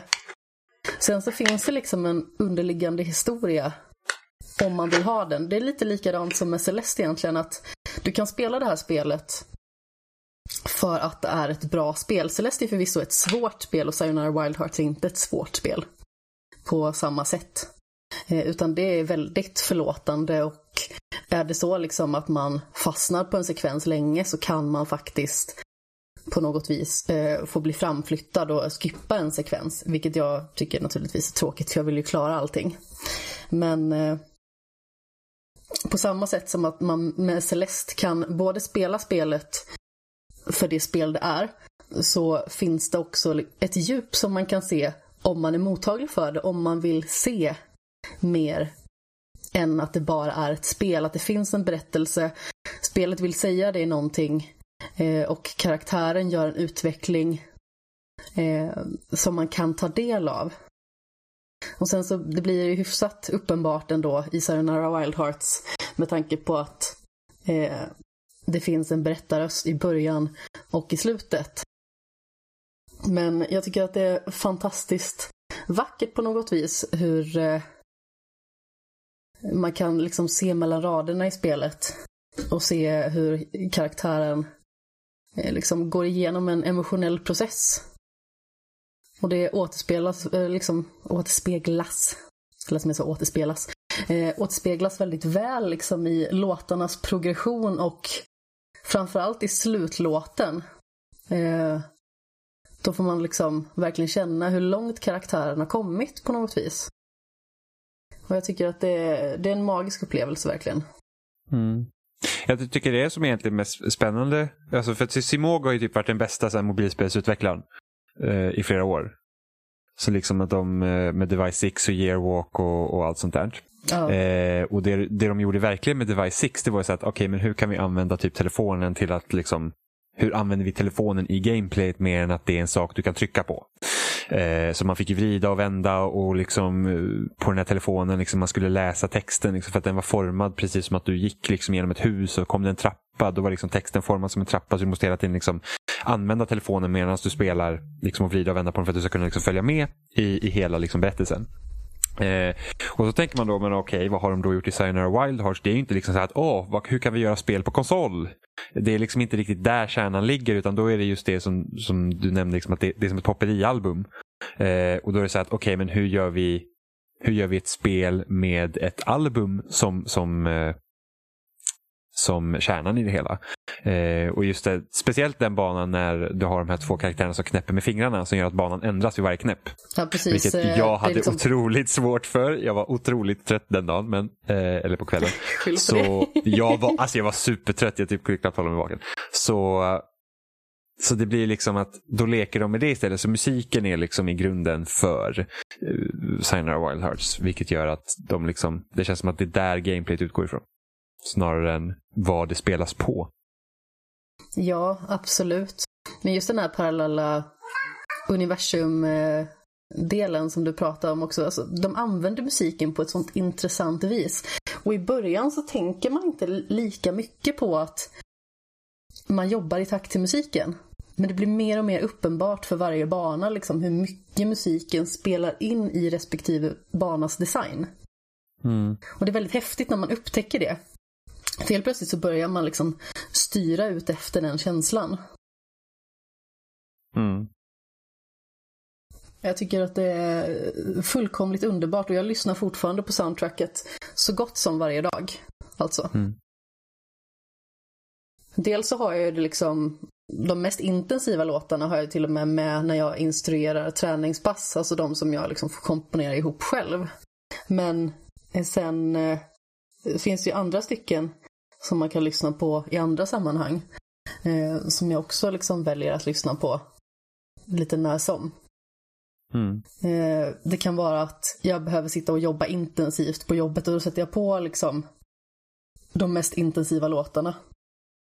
Eller så kan det liksom vara att man bara ska ha en mysig stund och då kan man liksom lyssna på The World We Knew som är en väldigt fantastisk lugn låt liksom. Och det är fint också för att det här spelet har sån extrem mångsidighet. Det är så häftigt med det hur de liksom de har så olika sorters tillvägagångssätt att liksom klara olika typer av banor. För dels så kan man ju åka eh, skateboard, man kan åka motorcykel, man åker bil, man rider på en hjort. Man eh, åker till och med på ett tarotkort, som sagt. Alltså det, det finns så himla många olika färdmedel, om man ska säga, i det här spelet. Mm. Och de känns annorlunda, och de känns rimliga. Och det är bara så här, det är så intressant. Mm. Det finns liksom ingen bana som jag kan peka på och bara så, åh, men det här är överflödigt. Utan allting liksom eh, tar mig liksom med med storm i slutändan.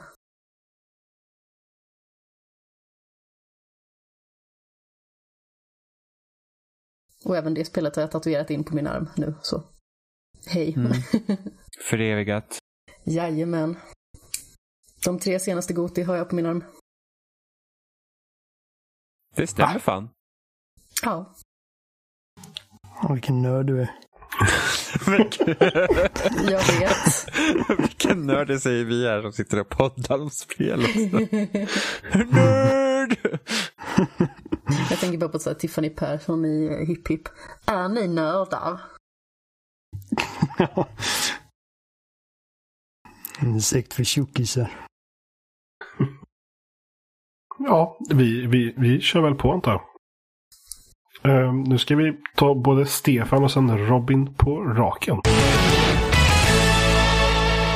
Och då har jag den stora äran att få sitta här med Norrlands stolthet. Stefan Norlin, tack för att du kom tillbaka så, så snart igen, Stefan.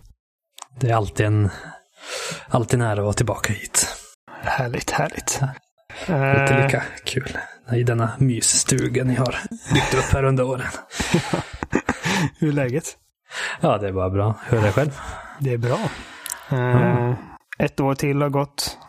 Ja, Vad, vad tycker du? Hur, hur känner du inför nästa år rent spelmässigt? jag är en sån tråkig person och frågar mig frågan jag har en backlog som är högre än Mount Ja, Everest. det. Ja, du, har inte ens, du har inte ens klarat Bioshock än. Exakt. Nej. Infinite jag Infinite har du spelat. spelat, ja. Ja, det är skitbra. Men, eh, ett och tvåan har jag inte gjort ännu och jag är inte, jag är inte ens klar med 2019 ännu. Jag har knappt börjat med 2019. Jag, jag har precis spelat klart 2018 med God of War härom Just veckan. det. Som jag har tjatat på dig. Ja, Tack. Ehm, jag menar, alltså, jag vet ju i och för sig detta så det var en dum fråga att ställa till dig kanske. Men eh, nya konsolen är nästa år och det blir spännande. Ja det är, kommer säga, gå till 2020 i PS5. Konsolen. Du kommer sitta och spela Bioshock på Playstation 5. oh ja. Nej, det, det, nej, jag ser fram emot det. Det ska bli kul. ja, det ska bli kul. kul med en ny generation. Det är alltid kul med en ny cykel och så ett nytt operativsystem. Eller ja, ny, ja vad ska man kalla allting. Nytt ekosystem. Allting Ja, nytt. men det, det är spännande helt enkelt. Ja, det, det är det som blir som julafton. Mm. Precis. Det här är bara en prequel till julafton. Ja. Riktiga julafton. Det är så. Ja, Börjar nästa år. precis. Men då så. Eh, med det i åtanke, eftersom att du inte har hunnit spela så jävla mycket nya spel, så kan jag tänka mig att det har varit lite svårt för dig att säga vilket som är ditt Game of the Year i år. Ja, av allt 2019 som jag har hunnit lägga handskarna på än så länge. Jag har hunnit med Baba Is You lite grann. Mm. Eh, bara klämt lite grann. Eh, genialiskt, kul pusselspel. Eh, och sen har jag fått prova, jag har fått sitta i lobbyn i princip i Luigi's Mansion 3. Så jag kan inte uttrycka mig om det heller. Mm. Och så kom hela den här remaken på Zelda, Link's Awakening. Den hann jag ta mig igenom också. Mm. Och det kändes, det kändes som att man var sex år igen, eller sju kanske jag var. Eh, Jag fick en Game Boy Color med det här spelet när jag fyllde år. Ja. Och det, det var typ så, så man tyckte att spelet såg ut på den tiden. Det vad en remake ska göra. Liksom. Det, Ja, ska, det precis. ska få de här gamla spelen att se ut som man tyckte att de såg ut. De bara, men är inte det här exakt samma spel jag spelade för åtta år sedan visuellt? Jag förstår inte. Vad har de gjort för skillnad? Nej. Och så är det ett spel kvar jag spelar 2019 som jag tänker placera som mitt Goti. Mitt Game of the Year då. Och det är Tetris 99. Åh, vad kul! Ja, det är, det är en, Jag vet inte hur man kan lyckas fortsätta göra Tetris bra efter så många år. det, det är så här, jag spelade sönder DS-versionen när den kom. Det är som att man återupp... Eh, får upp kärleken på nytt för Tetris. Då la de in lite Mario Kart-aktigt. Man kunde slänga items på varandra. Och nu gjorde de ju hela Apex Legends Fortnite. Gjorde en Battle Royale av det. Ja, Och det, det är någonting med, med, med just Tetris. Både, både musiken och hur intens det är. Och så översatte de det så snyggt till ett bättre realläge. Och gjorde det så pass bra att efter varje match, även fast du får så mycket stryk eller om du vinner, att du bara, en bara till. en till, bara en till. en till. Jag ska bara ta en till, sen går jag och lägger mig. Jag är lite lättad över att du inte valde Shovel Knight-expansionen. För jag, då hade jag liksom behövt raila på dig och bara, ja ah, men det där är fusk, det där är ett uh, DLC till ett 2014-spel. Ja, ja, men på ett sätt är det även sitt eget spel. Men sen då inte. jo, ja, men det, det är lite gränsfall där faktiskt. Men, eh, Ja. men, eh, Nej, Tetris, men- Tetris 99, det, det, är ett bra, det är ett bra val tycker jag. Jag har också haft jävligt kul med Tetris och då har jag Alltså jag, jag blev ett fan av Tetris först med Tetris Effect förra året. Just det. Det är Så tack det- vare för att du varit kär i det som jag har också laddat hem det och spelat. Fast jag har ingen VR. Just det, för att du, du testade lite grann över så här SharePlay. Ja. Eh, med mig då. Och eh, jag blev ju liksom totalt demoralized över hur mycket bättre du var på Tetris än mig. Du liksom bara puff, puff, puff, puff, puff, puff, Tetris, puff, puff, puff, puff, puff, puff, Tetris. Och jag bara, vad fan är det för jävla witchcraft? Bara, jag bara rage-quittade. Ja, sen dess har jag blivit lite bättre, men eh, alltså... Men det var innan na- Tetris 99 kom. Ja, ja för Tetris kom ju, eh, 99 kom ju i år och ett Ja. Effekt kom förra året. Och Effekt tyckte jag så pass mycket om att jag faktiskt satte det på så här topp 5 förra året. Vilket Mm. är, det är ganska sjukt för någon som inte ens gillar pusselspel så egentligen. Ja, det, det har en tidlös design. Det är väldigt tidlöst. Det finns en bra video om det där eh, av Matthew Matosis, eller vad han heter. Mhm. Eh, på YouTube som säger eh, liksom, att Tetris är det perfekta spelet och han går in ganska genomgående liksom på varför det är i princip det enda perfekta spelet som någonsin gjorts. För att det finns ingenting du kan göra för att förändra grundkonceptet som hade gjort det bättre. Nej, de har ju provat att göra Tetris 2, Tetris 3D, Tetris Attack och sånt där. Men det har ju som varit kul en stund. Och sen har alla fallerat tillbaka på själva grundspelet. Tetris i alla dess miljoner varianter som det har släppts i under åren. Mm. Nej, men jag gillar också hur de fortsätter. Eh, nu har jag bara varit snål och inte. Jag har inte köpt Tetris 99. Jag, jag, har bara, jag har bara kört den gratisversionen som man får via Nintendo online. Men de fortsätter ju. Om man köper spel får man ju massa extra lägen och sånt där. Maratonlägen och mer Ja. single player CPU-varianter av spelet. Jag visste inte ens att det fanns ett eh, liksom köp. Mm. Alltså det fanns en köpversion. Det la de till några månader efter releasen. Eh, Jag var in här om veckan och kikade. Då har de även lagt till att man kan tjäna, det kom upp så här som daily missions. Som du får tickets. Mm. Har du grundspelet kan du få två tickets om dagen. Har du köppersoner kan du få fyra om dagen. Och då kan det Okej. vara eh, ja, släng över x antal rader till eh, motståndare när du spelar online eller hamna i topp 50 två gånger. Det kan vara massa olika varianter på dailies du ska göra.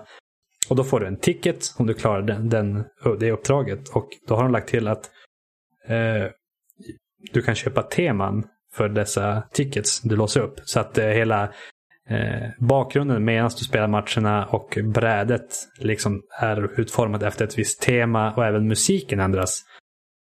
Så jag tog och tjänade ihop, eh, de kostar 15 tickets per tema då. Och då, då med lite snabb matte om man tar de här två varje dag, då är det sju, åtta dagar blir det. Eh, Att få ihop ett helt tema om man gör båda varje dag. Mm. Eh, och jag har hunnit köpa loss. Jag köpte The Legend of Zelda. Som, eh, från 8-bitars eh, Zelda som tema. Och då får man den musiken, den 8-bits grafiken i bakgrunden och sådär. Och sådana kloss, Tetris-klossarna får även någon annan slags textur och sådär. Och det blir även lite annan HUD sådär. Eh, det fanns även 8-bitars Mario. Och sen har det funnits något gratis event nu om du går in och får tillräckligt mycket poäng. Har låst upp något Luigi's Mansion-tema tror jag det var. Något Pokémon X... Nej, Sword och Shield var det. Eh, ett sånt tema. Mm. Och även i början var det Splatoon. var det första som kom tror jag. Och då är det så här skitjobbig punkmusik hela tiden. Jag tror det är från OSTn från Splatoon 2. Eh, ja, men musikmässigt diggar nog mest eh, original. för, det, för de som inte har spelat Tetris 99 men bara vet vad det är grundidén. Då är det vanliga Tetris-låten som alla har hört. Bum, bum, bum, bum, bum, bum, bum, bum, bum, bum, bum, bum, bum, bum, bum, bum, bum, bum. Precis. Sådär. Och, Och sen eh, när man kommer till när det bara är 50 spelare kvar så blir det liksom snabbare version av det temat. Det blir Uber-techno-varianten. Bara, Ja, och det är ofta där jag förlorar för jag blir för stressad. och, och så ökar hela kommer till- låten tempo också. Bara, Ja, det går dun, snabbare och liksom bara aggressivare och högljuddare. Och, det, och sen när man kommer till topp 10 då blir det någonting helt annat. Är Flight of the Ja. Bumblebees eh, eller vad den heter. Ja, precis. Det klassiska stycket. Bara, Som oh my också- god. Som också är så intens. Ja, ja, det är grymt stressigt. Eh, ja.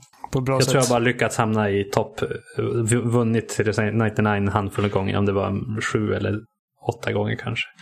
Och Andra- gör man det, då låser man även upp ett, ett läge där man bara möter folk som har vunnit i Tetris 99. Ah, spännande. Ja, och jag fick så jäkla mycket stryk när jag var inne jag har provat två eller tre gånger och man går in och så alla typ, man får typ så här 40 gula streck på sig. Bara pip, pip, pip, attackers. Och så bara, Ja, bara massa, bara massa Tetris-proffs man kör mot. Ja, så att det är väldigt demoralizing att gå in där. Det är om man ja, behöver veta sin plats lite, då går man in och spelar där. De borde göra det så att när du har vunnit en gång så kan du inte möta annat än folk som redan har vunnit. Ja, det hade varit intressant faktiskt. Ja. Så att alla, alla vanliga ribban. som vill bara spela för att det är kul får en break någon gång. Ja, eller så är det typ... Alltså tänk, tänk om det har varit så och jag som kör på värsta noob-nivån och liksom mitt rekord är nummer två. Och det var liksom... Nu har jag gjort en gång. Jag har kommit till topp 10 typ tre gånger. Mm. Eh, och så kommer du hem till mig en gång. Och på mitt konto så vinner du och sen så får jag bara möta.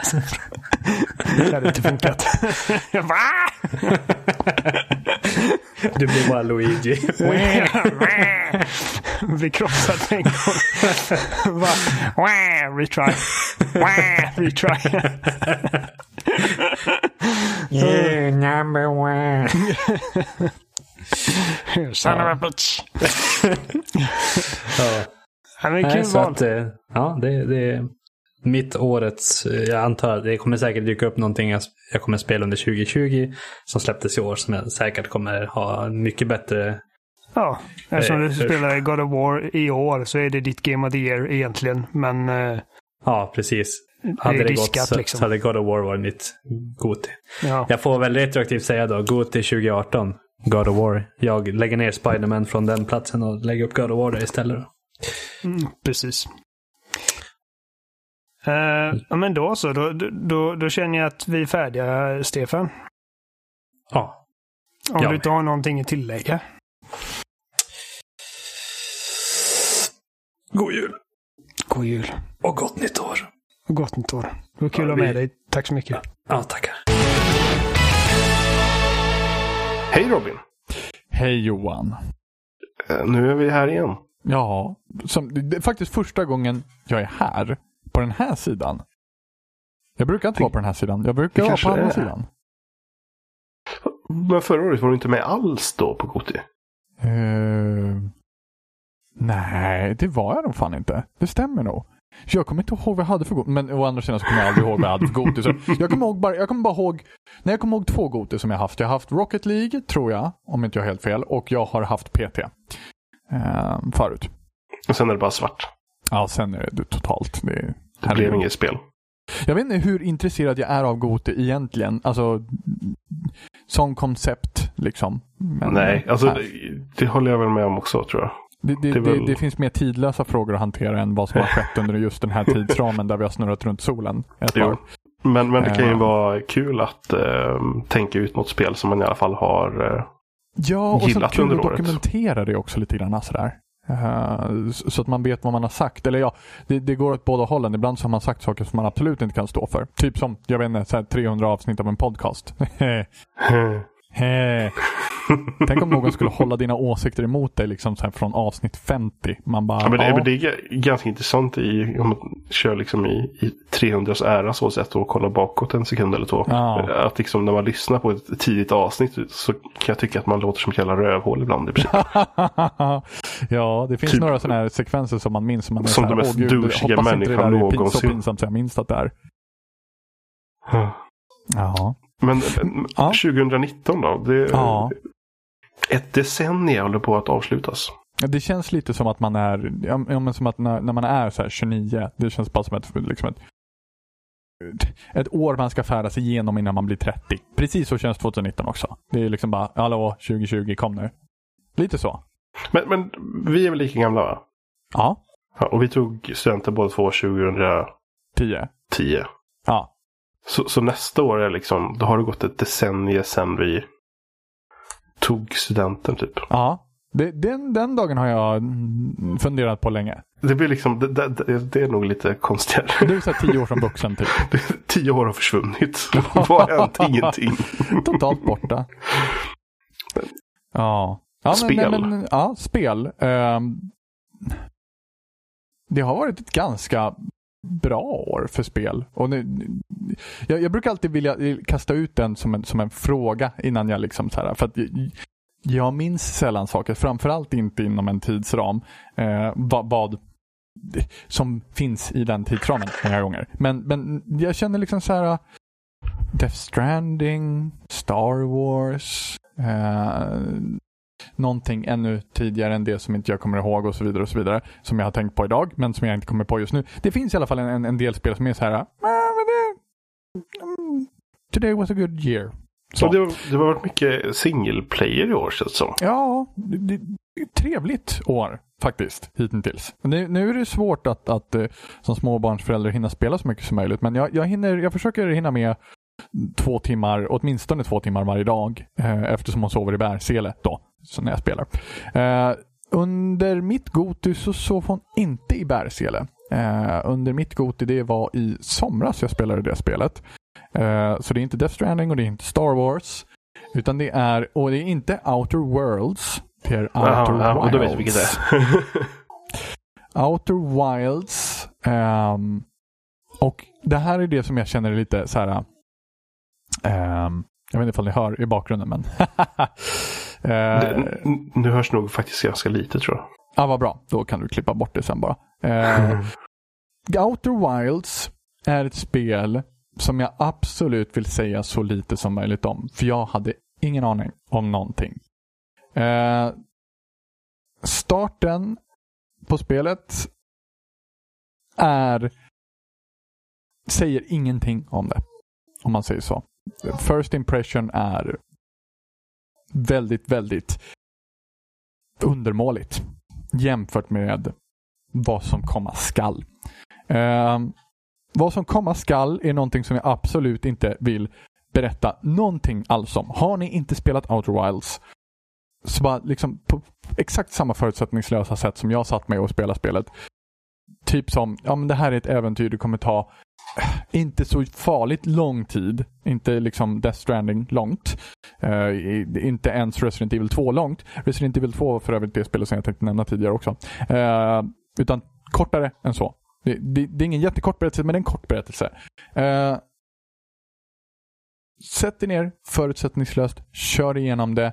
Och alltså atmosfären som finns genom hela spelet går inte att göra någonting annat än att bara fullkomligt dyka ner i. Man är nyfiken genom hela sessionen. Eh, och det, det, alltså det är, det är helt otroligt hur mycket saker som händer och kan hända under en session. Eh, som jag kan, alltså det blir lite skräddarsytt för alla också. Ehm, hur den här berättelsen ehm, vecklar ut sig. Och jag kan bara tänka på, på häftiga grejer som, som, som, som folk får uppleva. Um, för att det är en otroligt häftig upplevelse. Uh, om man är förtjust i uh, storyn i Death Stranding, inte för att de är lika, men om man är förtjust i, i hur i en komplicerad story så kommer man vara förtjust i Outer Wilds. Um, jag, jag, är bara, jag är bara helt, helt tagen av att det är ett litet, litet spel med så enormt många möjligheter i. Och där jag var verkligen nyfiken. Jag, jag satt på nålar genom hela... Jag bara längtade hela tiden till nästa session. När jag liksom skulle få reda på mer. Och det, det är verkligen... Det är en bok som du bläddrar i som du kan börja vilken sida som helst på. Uh, och det, det, hela alltet kommer inte att vara fullständigt logiskt förrän du har tagit igenom allt. Och det är inget så här collectibles, det är inget, inget sånt, utan det bara till en plats och bara låt platsen berätta för dig vad som har hänt där. Helt makalöst. Och jag trodde inte att det skulle kunna ställa sig mot de större titlarna eh, som har varit i år överhuvudtaget. Eh, så, jag, så jag råder verkligen alla. Det är en kort berättelse. Bara sjunk in i den. Ja. Har några Ja. bubblare? Ja, jag vill inte säga för mycket. Det, det, det, för, för jag visste ingenting och det var helt Jo. fantastiskt. Det är det Men bästa har, du man kan några, göra. har du några bubblare annars då? Eh, alltså, förutom Outer Wilds då. Ja. Ehm, jag var ju väldigt förtjust i Death Stranding. Eh, det var jag redan från början och jag tyckte att den, den, den storyn växte på mig också. Um, under tiden som, som, som det gick. Jag vet att ja, men en av de första kommentarerna jag fick höra var att det var väldigt pretentiöst. Uh, både ja och nej. Jag, jag vet inte för jag tycker att det är så pretentiöst. Det är, bara, det är för konstigt för att vara pretentiöst. Jag, jag känner inte ens att det finns någon sån här förankring någonstans eh, i någonting annat för att det ska låtsas imitera vara någonting finare än vad det är. Det är bara väldigt, väldigt konstigt. Men, men det, är så Eh, mycket, det är så mycket frågetecken med det spelet om man inte har spelat det. Jag har inte spelat det så jag, liksom, jag har ingen aning om vad, vad liksom det är Nej, för det- någonting det- i det- princip. bättre så på många sätt. Tycker jag. Eh, bara ta det för vad det är. Inte, Mm. inte eh, analysera mer än, än låt, låt spelet berätta för dig vad det är för någonting. Eh, och i de- acceptera vad det är för någonting. Genom frågetecknen så drar väl folk slutsatser helt enkelt när de inte har spelat det. Och då kan ju saker som pretentiöst dyka upp liksom. Oj, det har, jag- det har jag faktiskt inte ens koll på. eh, den delen. Jag, jag vet Nej men alltså, att, men liksom, alltså folk, folk har ju kallat det pretentiöst. Ja, ja, ja. ja. Mm. Jag, menar, alltså, jag tyckte har, man, att... har, har man inte spelat spelet och inte vet någonting om det Ah, så kan man ju dra de slutsatserna. För att jag tror det är många som har sagt sådana saker som inte ens har spelat spelet. Jaha, bara okej. bara Ah, kastar ur ja. saker. Ja. Eh, man, man, måste, man måste bara... Jag tycker inte att det är tillräckligt förankrat i någonting särskilt. För att det ska, vara, för att det ska imitera sig själv, att, eller imitera någonting, att, att vara finare. Eller att vara svårare och mer komplext och låtsas vara intellektuellt på något sätt. Jag, jag tycker inte att det låtsas vara någonting. Jag tycker att det är en berättelse och jag tycker att den är fin i sig. Um, Star Wars i år var helt fantastiskt. Star Wars Fallen Order. Ehm, jag är inte klar med det, tyvärr. Ehm, så jag vet inte allt om det ännu. Ehm, men det, det är också ett helt fantastiskt spel. Resident Evil 2 var helt fantastiskt. Så jag tycker att det är många spel som ändå höll en, en väldigt bra, bra nivå. Borderlands 3. Eh, Borderlands 3 var väl inte så värst bra kanske.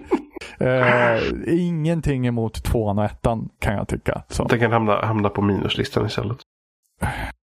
Ja. ja, är det så dåligt? Ja, det kanske Jag är. vet inte.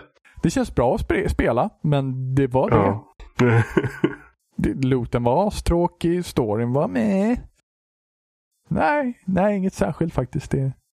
Men annars så tyckte jag var bra, fin, jämn nivå i år. Eh, men ingenting slår den sommarberättelsen, den, den, den mysiga lilla sagoboken som jag hade när jag spelade Outer, Outer Wilds.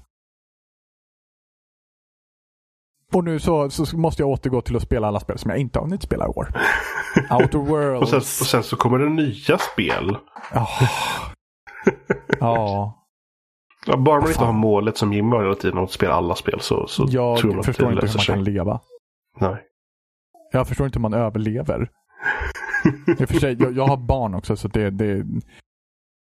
De äter en fair amount of time. Jag kan tänka. Man pressar Men- in allting emellan deras sovstunder så löser sig det mesta. Men då så. Då Ja. hörs vi en annan gång igen. Det gör vi. Tack för att jag fick vara med. Eller ja, Varsågod. det, ja just det. Ja. Hej. Hej! Nu är det väl min tur, antar jag. Um, verkar det som. Jimmy bestämt i alla fall. Ja. Och mitt ordelag. Nej, men, eh, för mig är årets spel Resident Evil 2.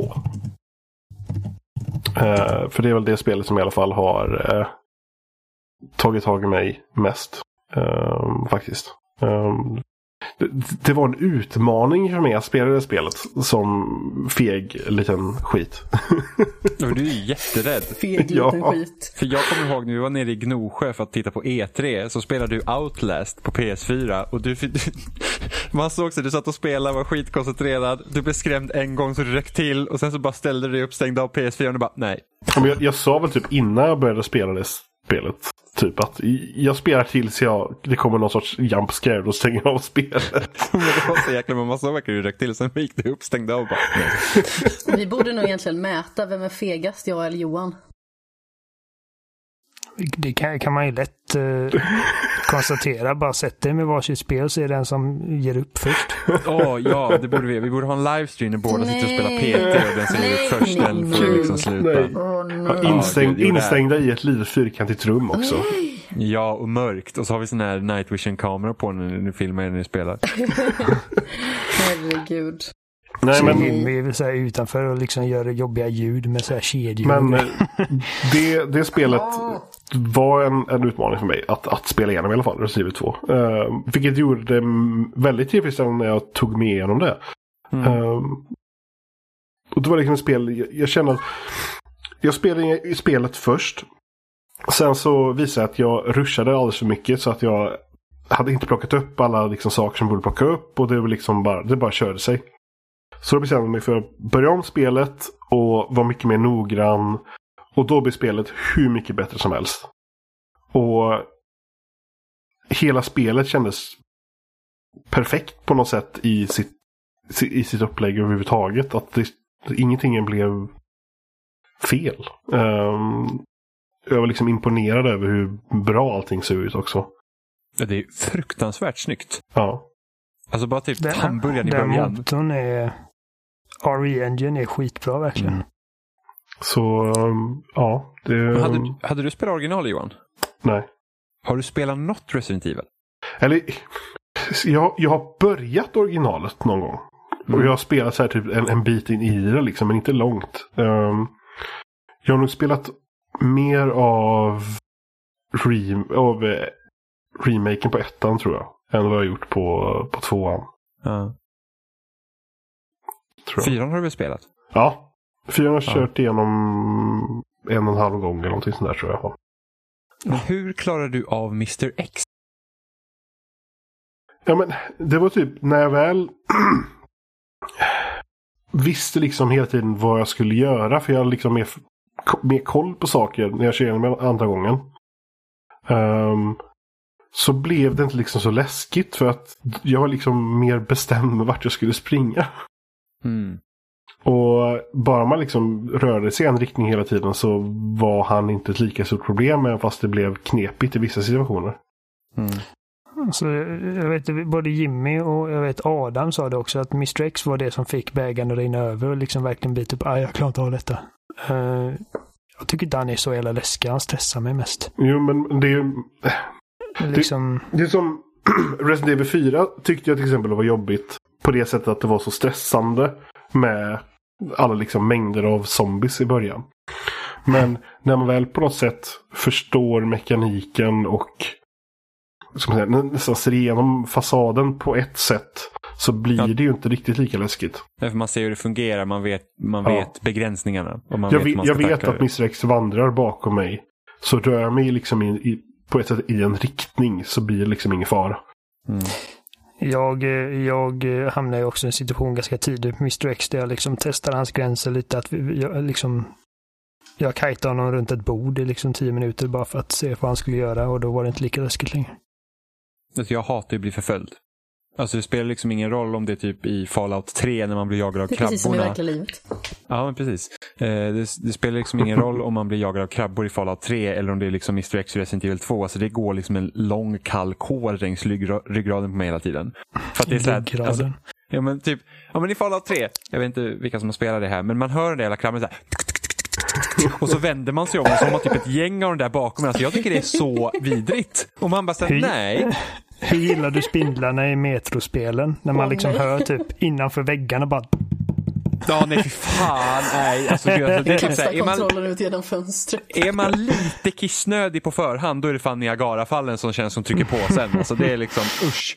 Det är, nej, jag, jag, jag, jag klarar verkligen inte av sånt. Så att, och jag var ju sen när jag körde Resident Evil 2 så var det så här att okej, det här spelet är inte så läskigt längre. När man liksom hade gått igenom polisstationen ett par gånger. Man bara, men zombiesarna är inte läskiga. Liksom, mörkret gör inte så jävla mycket. Och jag bara, nu måste ju någonting hända annars kommer det liksom kännas lite fjösigt. Och då kom Mr X. Jag var så här, I can't deal with this right now. Så jag stängde av och sen spelade inte jag på en dag. Liksom. jag bara, och då skulle jag recensera spelet så jag var illa tvungen sen. Men eh, ja, det var, det var hemskt. Och jag tänker bara på typ det här när man blir inlåst med en sån asjävel i Dead Space. Vad är det? Heter de nekromorfer? Ja, ja, ja. och fy Och det är så fan. vidrigt och jag fattade liksom inte hur man skulle ta koll på det aset. Så jag typ bara sprang runt typ i en cirkel och bara så nej, låt mig vara. Ja. ja, men det gick inte döda honom.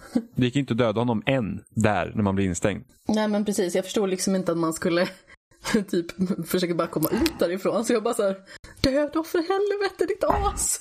Ja, det är verkligen Dead så här, Space var så bra. och så här, är det någonstans när en dörr ska inte fungera så är det knappast där. Liksom man går till den där dörren så bara, åh nu är det något fel, du får vänta ett tag. Och man bara, nej, jag tänker inte fan vänta. Så att, ja, ja, det är ju också så här, ja men det tyckte jag också var skitjobbigt i Dead Space 1 och Dead Space 1 är typ ish ett av de första liksom skräckspelen jag har spelat liksom själv. Jag höll på att skita snett. Eh, och det var ju liksom, man tog ju sig igenom ett chapter i taget. Så att, eh, Alltså jag har hört dig säga det ett par gånger. Varje gång jag får en bild av en bajskorv som kommer ut på bredden liksom. Eh, Dead Space är skitbra. Och det som gör uh, eh, mer eh, liksom lätthanterlig än vad Mr X är, är väl att man kan skjuta av armar och ben och sen ligger han där och bara wobblar runt som en Magikarp i några sekunder. Men ja. Den minns man. Är det någon här som har klarat Resident Evil 2 med både Leon och Claire? ja, Hej. Jag kör, Johan. jag kör bara Leo. Det, det ändras ju på vissa sätt. Eh, några av pusslen eh, gör man i olika, i olika ordningar. Man har annorlunda vapen. Eh, ska vi se, det var någon nyckel också som man... För jag kommer att spela spel med, eh, med Leon och så var det någon dörr jag inte kunde låsa upp. Jag bara, Just fan det. får man den här nyckeln? Och sen Ja, nej, den får man ju bara med Claire. ja. Jag tycker inte spelet är tillräckligt mycket annorlunda när man spelar med Claire för att det ska liksom kännas att man måste spela båda. Man måste inte spela båda, men Nej. det, men det är kul för den som, för den som vill. Liksom. Jag spelar ofta om spel oavsett, så det är liksom... Jag hinner inte spela om spel. Då hinner inte jag spela mina nya spel jag vill spela. Vilket är lite sorgligt. Jag skulle typ vilja spela Witcher 3 igen och det är så här bara att ja, där har du 150 timmar. Ja, nej, men vi, vi kör på. Nu blir det Emma och Aldin. Hej Emma! Hej Johan! Hej! nu, är året snart slut på säga. Eller ja, det är ju det också. Ja. Ja. Har du spelat någonting i år? Eh, ja, det har jag väl. Eh, problemet blir väl att man inte riktigt har samma tid som tidigare. Eh, så att eh, vad som är årets spel är inte nödvändigtvis kanske för mig någonting som släpptes under 2019 utan tidigare. Men nu fungerar ju inte reglerna riktigt så. Eh, men till exempel så spelade jag Spider-Man i år först. Ja. eh, som jag tyckte var helt fantastiskt. Jag uppskattade verkligen det spelet. Eh, men det är väldigt få spel jag har spelat som släpptes i år, som jag har hunnit spela i år. Det, det, de jag har testat är ju Apex såklart, det blir man ju aldrig klar med. Och det släpptes ju tidigare i år. Så det har jag hunnit med att köra liksom korta matcher i. Eh, sen så har även jag och Robin spelat tillsammans Death Stranding. Blev vi klara med det. Eh, och blev faktiskt bara för några timmar sedan klara med Star Wars, The Jedi, Fallen Order. Just. Så det är liksom de enda spelen, tror jag. Jo, Borderlands 3 också, men det Ja, pratar just vi inte om. Inte ur positiv eh, bemärkelse i alla fall. Ehm, nej, men det var, nej, men det är väl de spelen liksom jag har spelat och klarat ut. Vi har sparat lite, spelat lite Stardew också, men det är liksom ingenting man blir klar med heller riktigt. Nej. Ehm, ja, nej men Ga- Game of the Year-grejer är väldigt svårt att handskas med när man inte har samma tid. Ehm, Nej, man får typ vara Jimmy. Ja, men alltså Jimmy har ju den här, den här strävan efter att hinna spela allt. Eh, Ja. Och det är liksom hans mål i livet, typ. Och jag beundrar verkligen det. Eh, och är lite avis på att han liksom hinner ta in alla de här upplevelserna. Men samtidigt kan jag känna att när man blir mer exklusiv i sitt val av vilka spel man faktiskt väljer. Det, är ju såklart att då blir det mer en hit eller miss. Till exempel när man lägger mer jättemycket tid på att spela Borderlands 3. Kanske inte det är askul liksom när man bara... Det var ju bara att vi skulle spela det, punkt slut. Ja, nej men vi bara bestämde det. Det här, det här spelar vi och nu kör vi klart här. Det är jag också väldigt mycket att även om jag inte gillar spel så vill jag jättegärna bara köra klart dem. Det är sällan jag ger upp. Lika med film, det är sällan jag ger upp mitt i. Det finns bara en film jag har stängt av. Ehm, och det är den senaste Ghostbuster-filmen. Den var horribel. Jag kommer inte ihåg vad som var det för film jag... Det var någon film jag började kolla på som vi bara stängde av. Men jag kommer fan inte ihåg vad det var. Nej. Jo, det, det var någon sån här hemsk... Fan var... Ah, det var någon jättedålig komedi eller någonting sådär. Vi bara liksom, vad är det här? Vi, vi stänger av skiten. Ja men alltså det är så här, och, och som sagt man blir ju mer liksom, exklusiv med sin tid. Bara, vill jag verkligen lägga ner tid på det här? Ja. Och då är jag ändå en sån person som vill liksom göra klart grejer. Men det är så här, nej det är inte värt det. Alltså det är inte värt det. Ehm, så ja, nej, in, se inte Ghostbusters. Fan, horribelt. Nej. Men ja, eh, Game of the Year. Eh, om jag ändå måste välja, det är ju därför jag är här. För att välja mitt Game of the Year. Du måste. Eh, måste jag? Eh, som, som Oliver brukar säga, gun to the forehead. Eh, så måste jag faktiskt, för, alltså jag, jag har ju spelat lite Sayonara Wild Hearts också. Eh, men jag har inte hunnit klart med det och jag tycker att det är en väldigt fin berättelse so far. Eller spelmekaniken också. Men det är inte riktigt den här samma storslagna upplevelsen som eh, mitt Game of the Year faktiskt har gett mig. Eh, så mitt Game of the Year det här året är alltså fruktansvärt otippat för att vara mig. För att jag är ingen stort fan överlag eh, av det här. Och det är eh, Star Wars faktiskt. Star Wars Jedi Fallen Order. Eh, jag är fortfarande chockad över hela den här upplevelsen. Att eh, jag hade ingen koll på eh, vad, det hade, vad det skulle handla om, ingenting. Utan jag läste några recensioner och eh, tänkte att ah, men jag testar. Och sen så får man den här Souls-liknande upplevelsen som har en helt fantastisk level design, karaktärsdesign. Eh, omgivningarna är fantastiskt väl, liksom hela berättelsen är väldigt välberättad och det- det känns inte som någonting har lämnats till slumpen.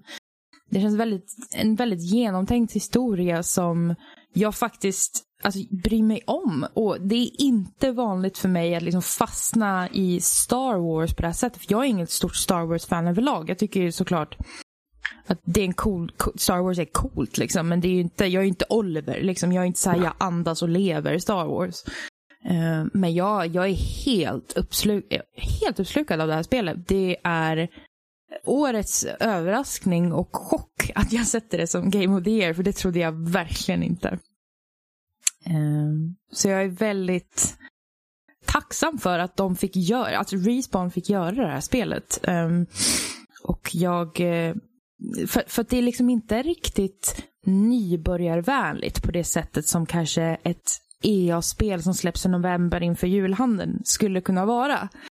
Utan det är mer en, en ganska intensiv upplevelse som kräver mycket av en själv som spelare. Um, men jag är helt kär i det här spelet. Jag, jag älskar, allt med det här spelet. Det är helt fantastiskt.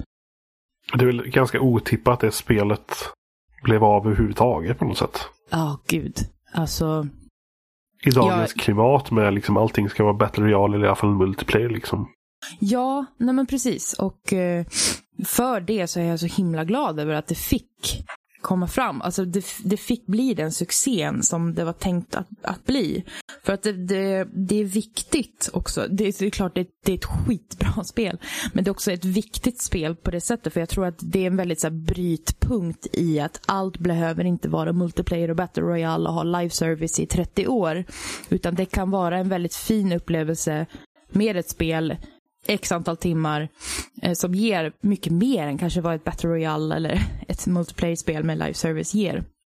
Men klart, Mm. Vill man sälja någon form av in-game content där spelet ska leva i oändlighet då får ju vara något annat än, än liksom single player så sätt. Så det är väl pengaspekten folk tänker på när det liksom, ja, det måste vara multiplayer för då kan vi sälja saker i multiplayer och så spelar folk i tio år. Men det händer ju kanske inte heller. Nej men precis. Nej, men alltså, det är, alltså, företag är sådana företag. Alltså, de måste ju gå runt och de måste dra in sin vinst och de måste gå plus. Alltså, jag, jag, jag, är, jag, jag jobbar inom spelindustrin. Jag, för, jag förstår ju det, den aspekten. Men jag förstår också det här behovet av att få en linjär upplevelse som du upplever och eh, Alltså du blir liksom inte klar. Om det är en bra berättelse det en bra berättelse. Ehm, och den lever med på ett annat sätt än vad kanske ett halvdant multiplayer med live service som är crap gör. Liksom. Ändå intressant att, att två av de spelen du spelat i år är, är liksom eh, licensspel. Liksom. Spindelmannen och sen det här. Eller hur? Ehm, Det är Ja, så det är- fascinerande när man går tillbaka några år till typ innan Arkham Asylum. Liksom, där Ja. standardregeln var att alla licensspel oavsett liksom, är, är skit. ja. Det är Ja, helt gud, alltså, Man var idag. riktigt rädd för licensspel tidigare. Man var riktigt så här, nej det här kommer bli bajs. Allt som görs på licenser är bajs. Ja, men det, man bara köpte dem inte ens. Liksom. Man bara visste liksom, att ja, det finns liksom, det här random Batman-spelet men det är ju inget att ha. Liksom. Och sen Ja, så är det helt annorlunda idag. Ja, det är ganska intressant faktiskt.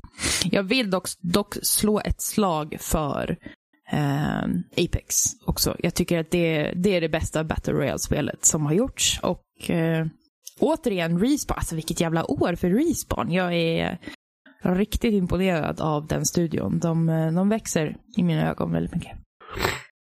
De hade ut eh, anställningsannonser nu för att anställa folk till att utveckla Star Wars-spel. Så antingen ett nytt eller till extra material till det nuvarande. Fan vad fett. Ja, nej, men all, all cred till dem.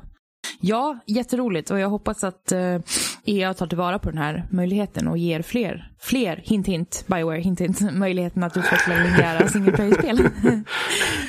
Vi får hoppas. Men som sagt, eh, hela konceptet med Game of the Year blir väldigt skevt när man när man liksom är i en situation med barn och jobb och det här hamsterhjulet. Liksom. Man, Alltså- man har ungefär två timmar per dag och hinna spela och vad väljer man? Liksom? Man behöver inte ens ha barn för att ha den problematiken. För Nej. det har, har jag också. Liksom. För, alltså, jag, liksom, jag, när det väl slutar med det så har jag två spel att välja mellan.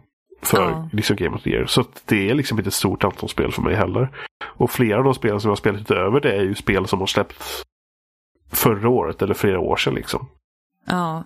ja, men det är Så- därför jag tycker om liksom hela den här grejen med eh, Game of the Decade nu som folk bör, börjar köra med. Ja, jag gillar den grejen mer för att det känns som att det är mer inkluderande till alla de som inte har tid som Jimmy har. Ehm, eller det engagemanget. Spela allt. Liksom. Ja. Jag minns när han sa det, jag bara, jag måste ha alla konsoler. För vadå? Nej, jag måste spela allt. ja, okej. Ehm, ja, nej, men med, med det sagt så hade jag jättegärna velat spela Outer Wilds. eh, som jag vet eh, Robin valde som sitt Game of the Year. Eh, Spoiler, nu får ni lägga mig efter Robin. Ehm, men jag hade jättegärna velat spela det till exempel. Men tiden finns ju inte till. Men eh, jag kommer spela det här. Nu när jag blir klar med Sayonara Wild Hearts så ger jag mig på det. Får vi se om det blir Game of the Year 2020. Jajamän. Ja, ja. Då så. Då var vi klara tror jag. Ja, Hej hej. ha det bra! Då var vi här med Aldin Sadikovic. Hur är läget? Ja, Ja, det är bra själv. Tack. Vad bra, vad bra. Jo då, det är fint. Och kul att ha dig med på eh, Game of the Year-diskussionen även i år. Ja, det- Jag är väldigt glad att få lov att vara med. Även om jag var med här, vad var det, i februari sist eller något sånt. Så eh, Ja, gött det att är ni kommer klart. ihåg mig. Alla, ja men det är klart. Alltså, jag kommer ihåg det aldrig. Det behöver du inte oroa yes. En av tio miljarder. Yes! För du, eh, du var med på förra Game of the Year också för mig. Eh, yes. Och då var det, om, jag säger inte nu för jag eh, ska se, vad hette det? Det var det här roguelike eh, 2D... Just det. Eh, vad hette det? Ha! Det ska inte jag säga bara för att det ska vara liksom så här en nagel i Dead. Cells.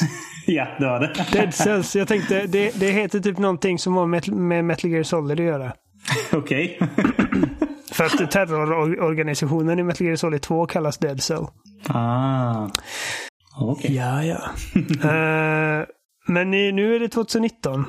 Ja. Eh, det är den 16 december när vi spelar in detta, vilket är två dagar från premiären av The Rise of Skywalker. Mm. Har du premiärbiljetter? Nej, det har jag verkligen inte. Alltså, har jag. Ja, det kan jag tänka mig. Haft sen i oktober. ja. ja. Det förvånar mig inte. Det minsta. Nej. Ja, ja. Nej, men eh, Game of the Year helt enkelt. Så du, när vi pratade lite, eh, vi har inte pratat mycket, men eh, så sa jag att du ska komma på ett spel som är din Game of the Year. Du, du visste inte riktigt då, och, eh, men nu har du fått lite betänketid och du har kommit fram till ditt svar. Som är lite oväntat nog, även för mig, eh, Crash Team Racing. Va? Okej, ja, den, såg jag inte komma. Vadå, hade du någon, någon bild av vem jag, eller vilket spel jag, jag Nej, jag har ingen aning. Jag bara, men alltså kart racers. För jag, jag vet att du gillar liksom Mobas och du gillar eh, roguelikes och du gillar, jag menar, ja, competitive shooters som Overwatch och sånt. Ja. Eh, är därför det är så- strategispel gillar du. ja, det gör jag. Rollspel till viss mån. Till viss mån, ja. Light. Och så har vi, eh, precis. Och så har vi alltså Crash Team Racing. ja. Och låt mig då förklara. Ja, ja. När, när det spelet släpptes. Först och främst, jag, jag älskar ju Crash även när jag var liten. Spelade alla. Jag bara längtar efter Crash, eh, Crash Bash. Eh, men i alla fall. Eh, jag Ja, jag tänker verkligen. du längtar till re- remastern på Eh, Crash ja, korrekt. Den kommer förr eller senare, det vet jag. Den oundvikliga. Nej, men jag, jag älskade det som, som liten i alla fall. Och eh, jag minns det som en, som en helt enkelt rakt av bättre spel än Mario Kart. Och eh, Jimmy kan ju fan skita ner sig. För att han har fel. eh, och så, så ja, Cra- Crash är i alla fall bättre. Och eh, så vi har ett, eller då på mitt tidigare jobb. Så hade vi en eh, Xbox One X. Och jag gick runt, eh, på, runt i kontoret och bara sa vem vill chippa in för 20 spänn så vi kan köpa Crash Team Racing. Ska vi köra lite liksom co-op, eh, eller co-op, eh, couch eh, Ja. play liksom. Eh, och så var det ganska många som liksom, ah, men ja, fan jag kan ju chippa in för 20 spänn och sånt. Och så fick jag Ja, ihop ganska mycket mycket pengar. Ja, exakt. Och så fick jag ihop till, till, tillräckligt mycket pengar för att köpa Crash Team Racing. Från och med att vi fick spelet och folk kommer kanske inte tro det, men på fullaste allvar. Vi spelade minst en halvtimme varje dag i flera månader och det görs än idag. Åh jävlar. Ja. Ja. Det, det har blivit en sån grej, en sån otrolig liksom, tävlingsinriktad grej som vi gör varje dag. Alltså verkligen dag in dag ut. Har du en main eh, racer? Nej men det är just det att efter den jävla eh, uppdateringen så skiter jag egentligen i vilket vem jag tar. Okej. Eh, Det är en uppdatering inte jag känner till då. Ja, men de, då när spelet släpptes så ett bra tag framöver så hade man ju den här inställningen, eller inställningen, man hade inte inställningen att kunna ställa in vilken typ av spelare man vill, eh, eller spelprofil man vill använda. Men nu har man ju ställt in det så att man kan välja spelprofil på en viss eh, karaktär. Så det Okej. är lite skitsamma vem du väljer. Eh, Men jag brukar välja de, de minsta karaktärerna av den enkla anledningen till att jag vill, jag vill kunna se skärmjäveln. Eh, alltså jag menar, väljer du Tiny Tiger så att, ja men vad fan, väljer du Tiny Tiger på en 65-tums skärm så täcker den för fan 80 av dem. Så jag menar det är helt orimligt att spela med sådana karaktärer. Eh, Täcker kreativ- 80 tum Ja, ja. för en 65 tum. Eh, så jag menar, eh, ja. Men, alltså, grejen är, jag, jag funderade på det ett bra tag. Och eh, även om du, även man summerar liksom så här att, ja men såklart det finns, jag är inte dum i huvudet. Jag förstår ju själv att det finns ju mer kvalitativa spel än det. Eh, även om jag har spelat lite grann av de flesta så, så ja, visst, det har varit ett helt okej spelår. Bra spelår, kan vi till och med säga. Men om man bara sammanfattar hur mycket nöje ett visst spel har gett mig så är Crash Team Racing långt före allting annat. Alltså verkligen långt, långt, långt. Bara Jo, för att det är så fruktansvärt kul att spela med folk. Ja, men det är ju det som är poängen med hela den här, att vi väljer varsitt spel. Alltså, det, det är alltså min Game of the Year. Eh, jag kommer inte nämna det nu, för jag vet inte när eh, det här segmentet eh, kommer klippas in i podden. Mm. Eh, vi kan ta det sen. Men alltså, mitt Game of the Year är inte nödvändigtvis det jag tycker är liksom det mest banbrytande eller det mest innovativa eller det mest liksom artistiskt skapade. Eller vad, alltså det är bara liksom det spelet som har skänkt mig mest glädje i år. Jag vet redan vilket det är. Okej, ja. Eh, och jag och Jimmy har pratat om det lite. Alltså, det har varit ett... det har varit bra spel och det har varit många bra spel. Men det har inte varit någon sån liksom, ett sånt spel som, eh, menar, typ som eh, för mig och Jimmy då 2017 när Breath of the Wild liksom var alltså definitivt våran Game of the Year. Liksom, Mm, Ett spel som man kan peka på och bara säga att det där är Game of the Year. Ja, ja. Ehm, och ehm, så det, det har varit rätt svårt för mig att välja i år. Jag kan liksom sätta ihop en, en typ topp 5-lista eller liksom en eh, orankad lista på fem spel som jag känner där är liksom toppskiktet för mig i år. Men det har varit svårt att komma fram till det. Ehm, och det är ändå kul också att du väljer ett spel som jag nästan liksom kan eh, sätta min, eh, min friska testikel på att ingen annan kommer välja det spelet. på På den här gott, på podden. gott och ont. Alltså, så här är det ju också. Eh, Om man ska prata om så här, eh, eh, plus och minus i spelet så kan jag ju säga att, att, att minus är ju så här. Laddningstiderna är ju fan. Alltså. De är lite för långa va? Lite. Man kan fan föda ungar under den tiden som liksom en kupp behöver, behöver laddas in. Det är helt sinnessjukt hur mycket man behöver laddas in. Men och, och liksom de här, okej visst, jag, är inte så, jag bryr mig inte så mycket om mikrotransaktioner. Men sättet som det är hanterat på är lite sådär halvtaskigt. Lite skitigt gjort. Men, För det fanns ju inga mikrotransaktioner här på launch va? ja, exakt. Ja, och sen tillkom det. Eh, sånt tycker jag är lite, lite dubious liksom. Ja, exakt. Det är lite sådär. Men det, igen, det, om du bryr dig om det så är det såklart en nagel i ögat. Men jag, jag bryr mig inte så mycket om det möget. Jag använder ändå inte det. Jag köper aldrig all någonting sånt. Så jag bryr mig inte så mycket. Men om jag, om jag vore recensent så hade jag såklart nämnt det. I form av liksom, by the way. Om du är så här så, by the way. Eller om du, om du fortfarande var recensent. så Om jag fortfarande var recensent, korrekt. precis. Men anna- annars tycker jag liksom sådär att eh, bandesignen är helt jävla makalös. Alltså riktigt, riktigt bra. Och till skillnad från eh, Mario Kart så behöver du liksom kunna spela, kunna hantera en handkontroll för att kunna faktiskt vinna om du möter en bra, en annan spelare liksom. Så det, det, det spelar faktiskt roll om man kan spela. till skillnad från i Mario. Ja, jag ska se till att han, eh, han kommenterar detta Jimmy. oh, ja, när vi spelar in vårat segment sen. Eh, nej, men jag har ju, jag växte inte upp med Crash Team Racing och jag är liksom avfärdad det som, eh, för att Mario Kart var givetvis först Mm. eh, med att liksom, alltså sätta någon sorts, sorts standard för hur en liksom party carter ska köras. Mm. Och eh, den, eh, Crash Team Racing är ju lite stöpt i samma mall. Liksom att du har Oh, de ja. grundläggande grejerna. Att du har dina vapen och du har dina... Ja. Eh, Så att jag har alltid avfärdat det lite som en liksom fattigmans Mario Kart. Du vet, det alternativet som de stackars Playstation-ungarna var tvungna att köra.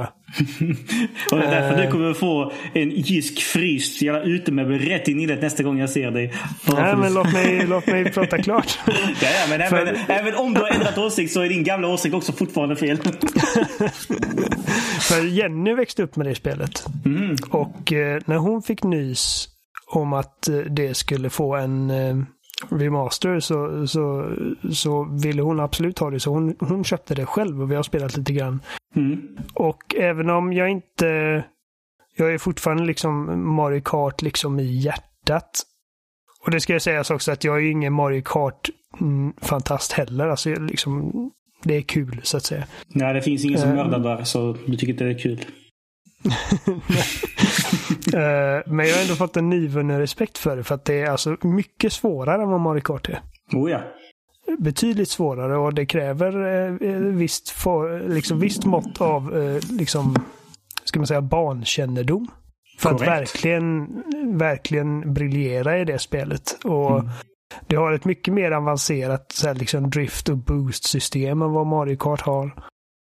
Ehm, det kräver liksom eh, finess och timing på ett sätt som Mario Kart inte kräver. Mm, inte sin närheten av. Eh, Så Mario Kart är ju, det är ju mer liksom nybörjarvänligt. Så sätt. Ehm, Absolut. och sen så slog det mig också att det är inte alltid man kan säga liksom att Åh, just nu sitter jag och spelar en, en, liksom en kart racer från Last of Us-skaparna. Liksom. så det är speciellt. Ja, det är... Även om inte det var de som skapade just Crash Team Racing, men ja.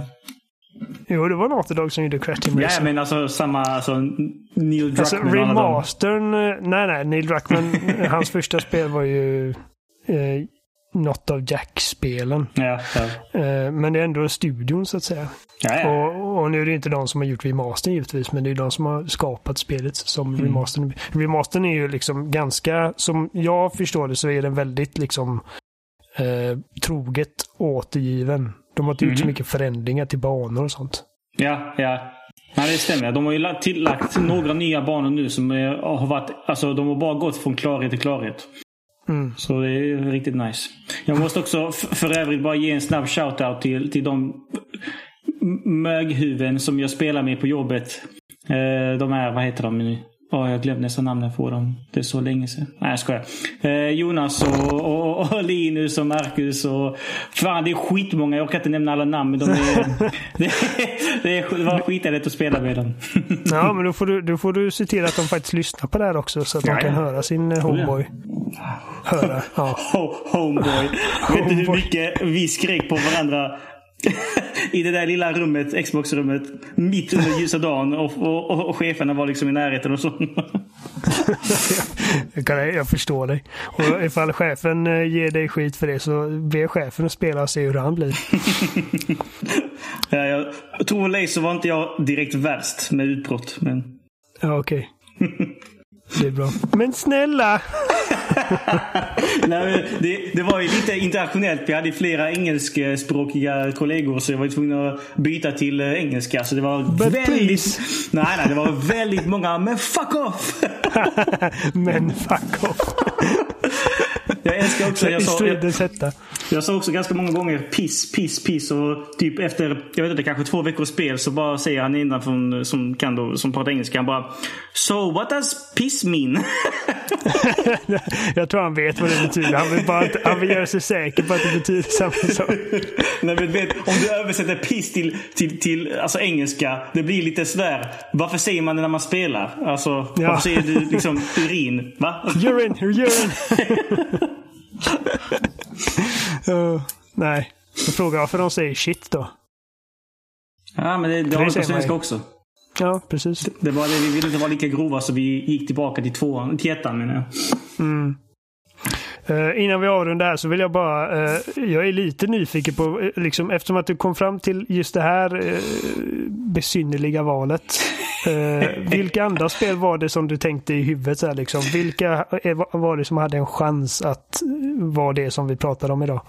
Också kanske oväntat, men eh, eh, Pokémon eh, Sword and Shield. Ja, okej. Eh, Eh, men eh, det föll lite grann på målsnöret eftersom jag är nu i endgames så att säga. Och eh, jag liksom försöker avla fram en jävla massa duktiga kämpar. Men jag insåg ju liksom så här i efterhand att den här jävla wild area-biten är inte direkt... Jag vet inte. Det, de hade behövt iterera några gånger till för att få till det så som jag tror de ville ha det så att säga. Hela den här grejen med Dino, uh, Dynamaxing vad det nu heter. Fungerar Ja, inte alls. Det är bara en jävla gimmick. Ja, jo, men det är klart det. Ja, alltså det är liksom det är som de här mega evolutions och grejer i X och Y. Ja. Eh, jag väntar fortfarande på ett Pokémon som tar den här liksom wild-grejen och gör alltså hela spelet kring det. Ja, det hade varit... Det hade varit Med fri kamera och eh, liksom hela... de, är, de, de är på god väg med det. Alltså Wild Area Ja. i sig sådär var ju rätt hyggligt så. Det, bara, det var inte... De, fan, det var typ så här. De gick inte hela vägen. De borde bara tänkt Nej. lite mer. Som sagt, alltså Pokémon-seriens the Wild, det är vad jag väntar på. Ja, då lär du fan vänta länge. Oh, förmodligen. det, det, det är möjligt att det aldrig händer. Ja. Vi får se. Men Aldin, jättekul att att ha, ha det med än en gång och så hoppas vi att vi får eh, höra mer från dig nästa år. Definitivt. Tack för att jag fick komma. Åter till panelen, som man säger. Ja, där var de klara och nu, nu blir det Oliver. Nej, men den alla har väntat på. Oh ja. Va, va, vad är ditt spel Oliver? Eh, mitt spel, det stod mellan två spel i år och det är eh, Sekiro och Devil May Cry 5 och eh, det slutar med att jag, jag, jag satt och tänkte liksom vilket spel har skänkt mig mest glädje i år och vilket är det som jag verkligen, alltså, verkligen varit helt lyrisk över och det, det är givetvis Devil May Cry 5. Ehm, så ja, eh, nu går vi över till Alexander ehm, som... Nej. jag... Eh, Mer hur, står Capcom. sig, hur, hur står sig Devil May Cry 5 mot uh, tidigare spelserien? Det är definitivt bättre än fyran. Eh, och det beror, jag känner att det beror mycket på att fyran är liksom ett halvfärdigt spel i princip. Eh, du kör liksom, alltså alla fans känner till det, men alltså du du kör första halvan som Nero och sen så kör du liksom alla banor igen fast baklänges med Dante och så blir någon jobbig liksom boss rush mot slutet som det ofta blir i de här japanska actionspelen. Att det, ja, alla bossar du har mött ska du möta nu på rad. Uh, en trend som, som är väldigt vanlig i en genre jag älskar, men som jag gärna hade liksom sluppit. Uh, och jag var nära på att säga att man slipper det denna, denna gången, men, men man har lite så här halv... Skitsamma. Uh, det är bättre än fyran för att det är ett komplett spel och det, är liksom, det märks att de har haft sin tid den här gången och liksom de har haft resurserna och de, de ville verkligen få till den här ordentligt. Liksom, varenda liten detalj är så rent spelmekaniskt så är det inte mycket som kommer närheten av det djupet man hittar i eh, den här serien. Ehm, och jag då som en spelare som alltid varit väldigt, väldigt förtjust i det här liksom att du jonglerar massa fiender i luften och försöker hålla uppe en kombo så länge som möjligt. Eh, så blir det inte mycket bättre än Devil May Cry. Jag skulle kunna jag skulle kunna slå ett slag för att Devil May Cry 3 är lite bättre eftersom att det, liksom, det satte den nya standarden för att eh, serien eh, hade lite identitetsproblem där med Devil May Cry 2 och sen kom de tillbaka och blev skitbra. Men ärligt talat, jag, jag tror att femman är nog min, min favorit i serien.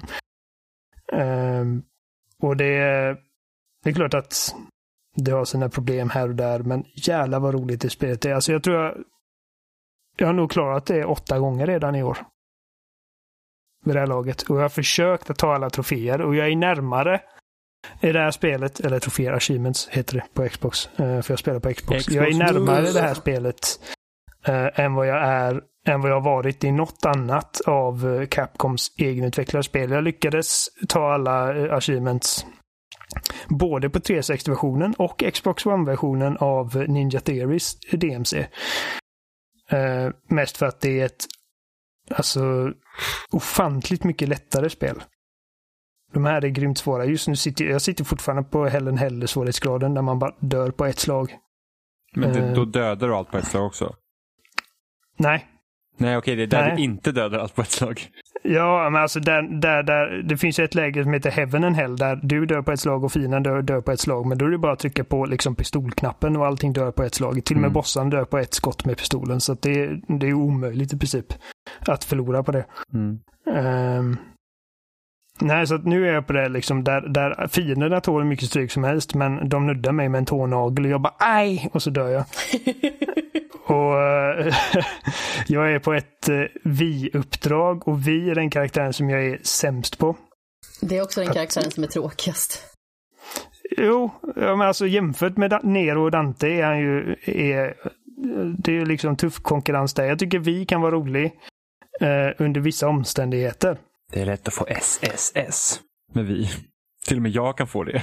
Jag är inte bra på sådana här spel. Vi handlar mycket om liksom att hålla in knappar och ladda upp attacker samtidigt som man bara håller.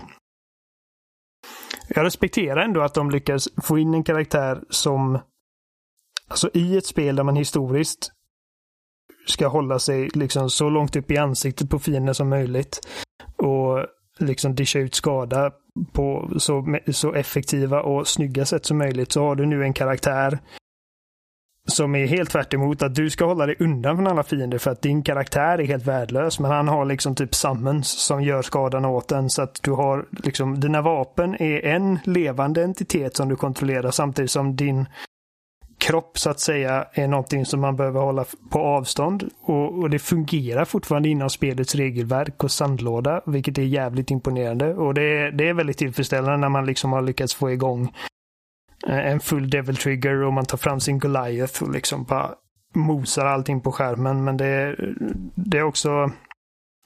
Ja, jag tycker det är svårt eh, i just det här läget när man inte får bli träffad någonting. För jag är på den banan också när man möter tre bossar på rad. Och det var det jag kom på. Fan.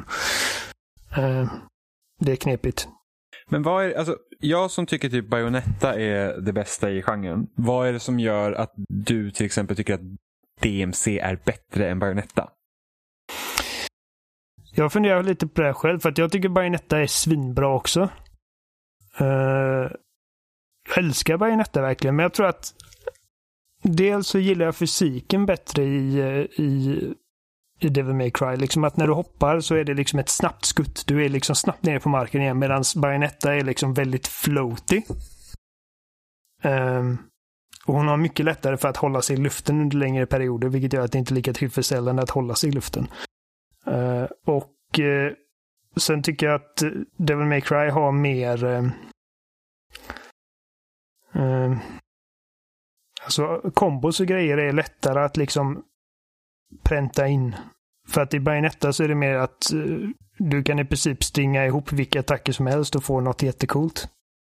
Medans det är lite svårare i Devil May Cry. Och nu menar jag inte att Devil May Cry är ett svårare spel överlag. Jag tycker att de är ganska jämlika.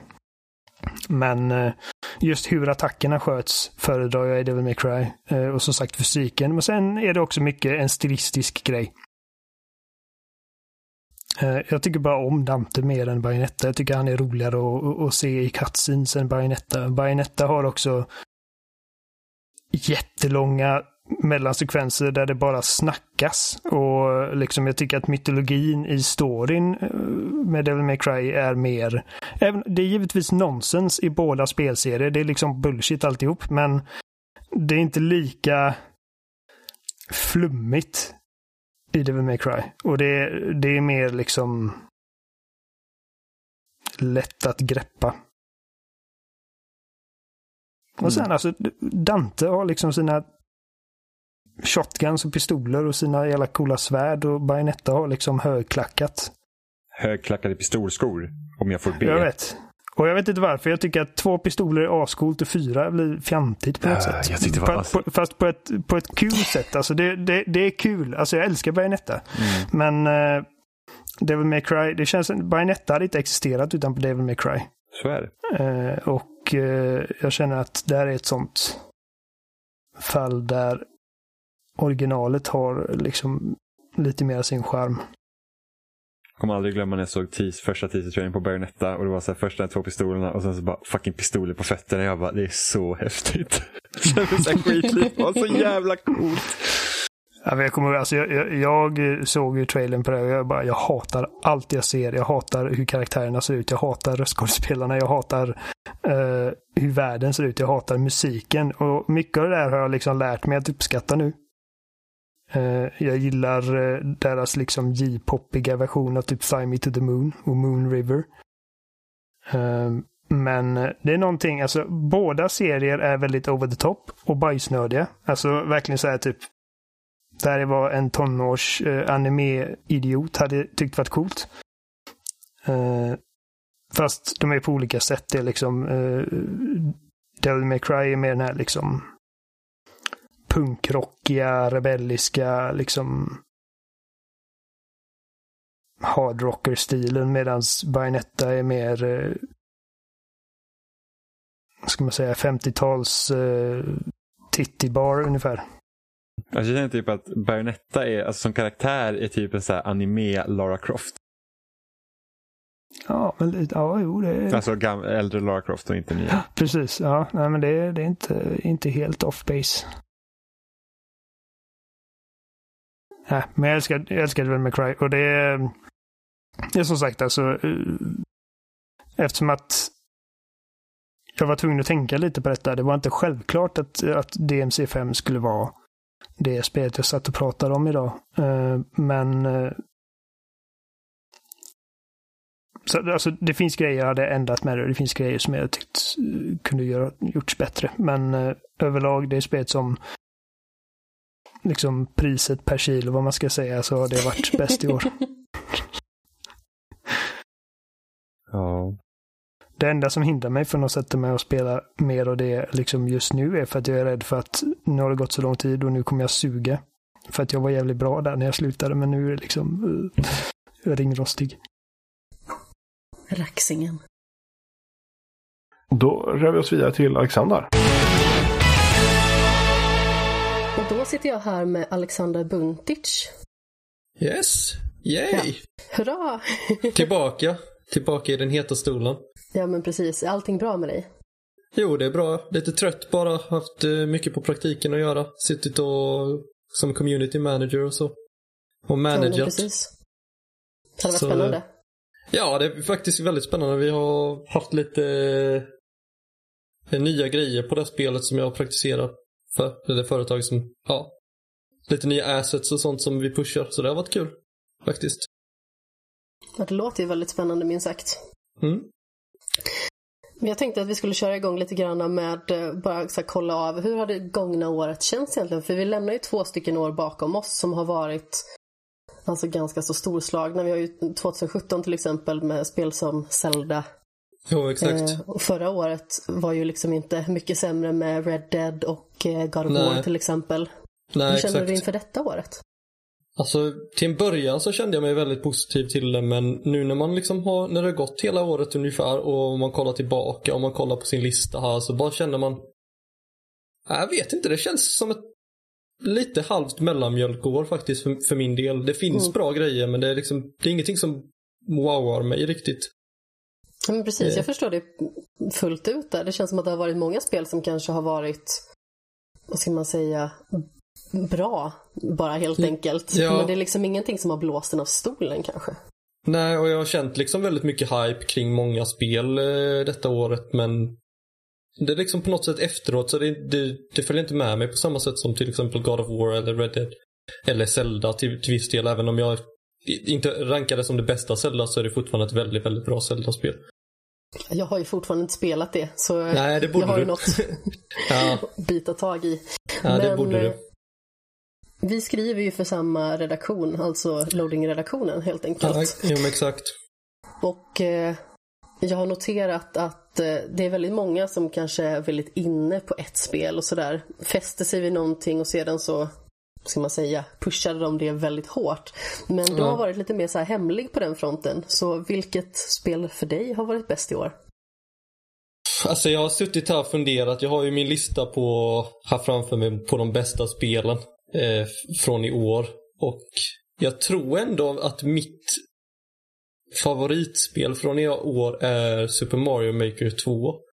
Jaha, och det, innan jag satt och kollade så, här så kunde jag inte tänka mig, men när jag liksom tänker tillbaka på all, allting som jag gjort i Super Mario Maker 2 så har jag ju tänkt liksom Fan det här var så jävla kul bara. Det var så liksom chill stund där man bara sitter där och klickar ut lite block och sådana grejer. Och och jag gillar ju att göra levels och level design. Det har jag ju sysslat med tidigare liksom på praktik och så. Eh, och att faktiskt få göra det i ett eh, verktyg som fungerar väldigt bra. Eh, ger väldigt mycket. Eh, det har varit väldigt kul liksom att skapa världar och spela andras världar och så. Det största problemet med Super Mario Maker har ju varit online-delen för min del. Okej. Att det känns som att eh, i början var det ju typ så här extremt svårt att få bra liksom, connections med andra spelare så det blev, blev väldigt mycket lagg och så men det blev bättre och bättre i alla fall men ja, det är den biten som saknas men att, att sitta och skapa banor har aldrig varit typ roligare tycker jag. Men vad kul. Alltså det känns ju lite som ett sånt spel som man verkligen kan förlora sig i. Är det liksom Ja. lite vad du känner att du har gjort i år? Alltså det var ju under sommaren då när det var liksom släpptes så spelade väldigt mycket och skapade banor och delade med mig av banor och liksom Ja, det var väldigt hype varje gång man har skapat en bana även om man kanske inte var 100% nöjd, nöjd med det. Men eh, när det kom liksom, när man verkligen har kämpat länge och fått ut en bana som man tycker är väldigt bra så så kändes det riktigt gött liksom. Och det är ju alltid kul att vara kreativ på olika sätt liksom. Eh, där det inte är så här, Visst, det finns ju ramar inom det. Du kan ju inte skapa vad du vill. De har ju spel... Det här är spelreglerna liksom. Men eh, det är ändå väldigt kul att se liksom en klassisk figur som, som Mario hoppa runt i en värld som man själv har skapat. Som man har spelat liksom. Man har ju spelat de här spelen sedan man var liten. Så det blir liksom en nostalgisk del också. Har du någon form av så här favoritestetik eller någonting som du känner att du oftast faller tillbaka på? Alltså estetik eh, känner jag nog Super Mario 3 av någon anledning. Många, många kör Super Mario World. Eh, jag tycker den, den är snygg liksom. Men den är lite så här, jag vet inte, cartoony och lite konstiga proportioner och så. Medan Super Mario Bros 3 har lite mer den där, det känns mer enhetligt på något sätt. Tycker jag. Jag håller med. Alltså jag tycker ju att trean är mycket snyggare än vad Super Mario World är. Ja, det känns som att det spretar lite mer i Su- Super Mario World, men det är väldigt lekfullt. Men tre, trean har verkligen det. Det känns perfekt. Och sen gillar jag originalet också för att, ja, jag växte upp med det, med det spelet. och försökt speed, bli speedrunner i det. Det gick väl sådär. eh, sen, ja, det är, det är väldigt kul spel liksom. Jag, jag gillar sådana typer av spel. Eh, Men som sagt, det har varit väldigt svårt att välja i år så jag har ju haft andra spel i mina tankar också. Som, som typ Resident Evil 2 eh, och Death Stra- Stranding men jag har inte klarat ut den. Så det, det, vem vet, det hade kanske kunnat vara liksom på toppen men jag har ju bara spelat tre kapitel av det. Ah, okej, med. Men jag, men jag gillar det väldigt mycket. Och sen Katana Zero också till exempel som jag tycker är ett Väldigt fantastiskt spel. Ja. Jag gillar ju den typen av spel också där det är väldigt mycket snabbt action men det är också så här pusseltänk. Man måste tänka ut sina vägar innan man gör dem.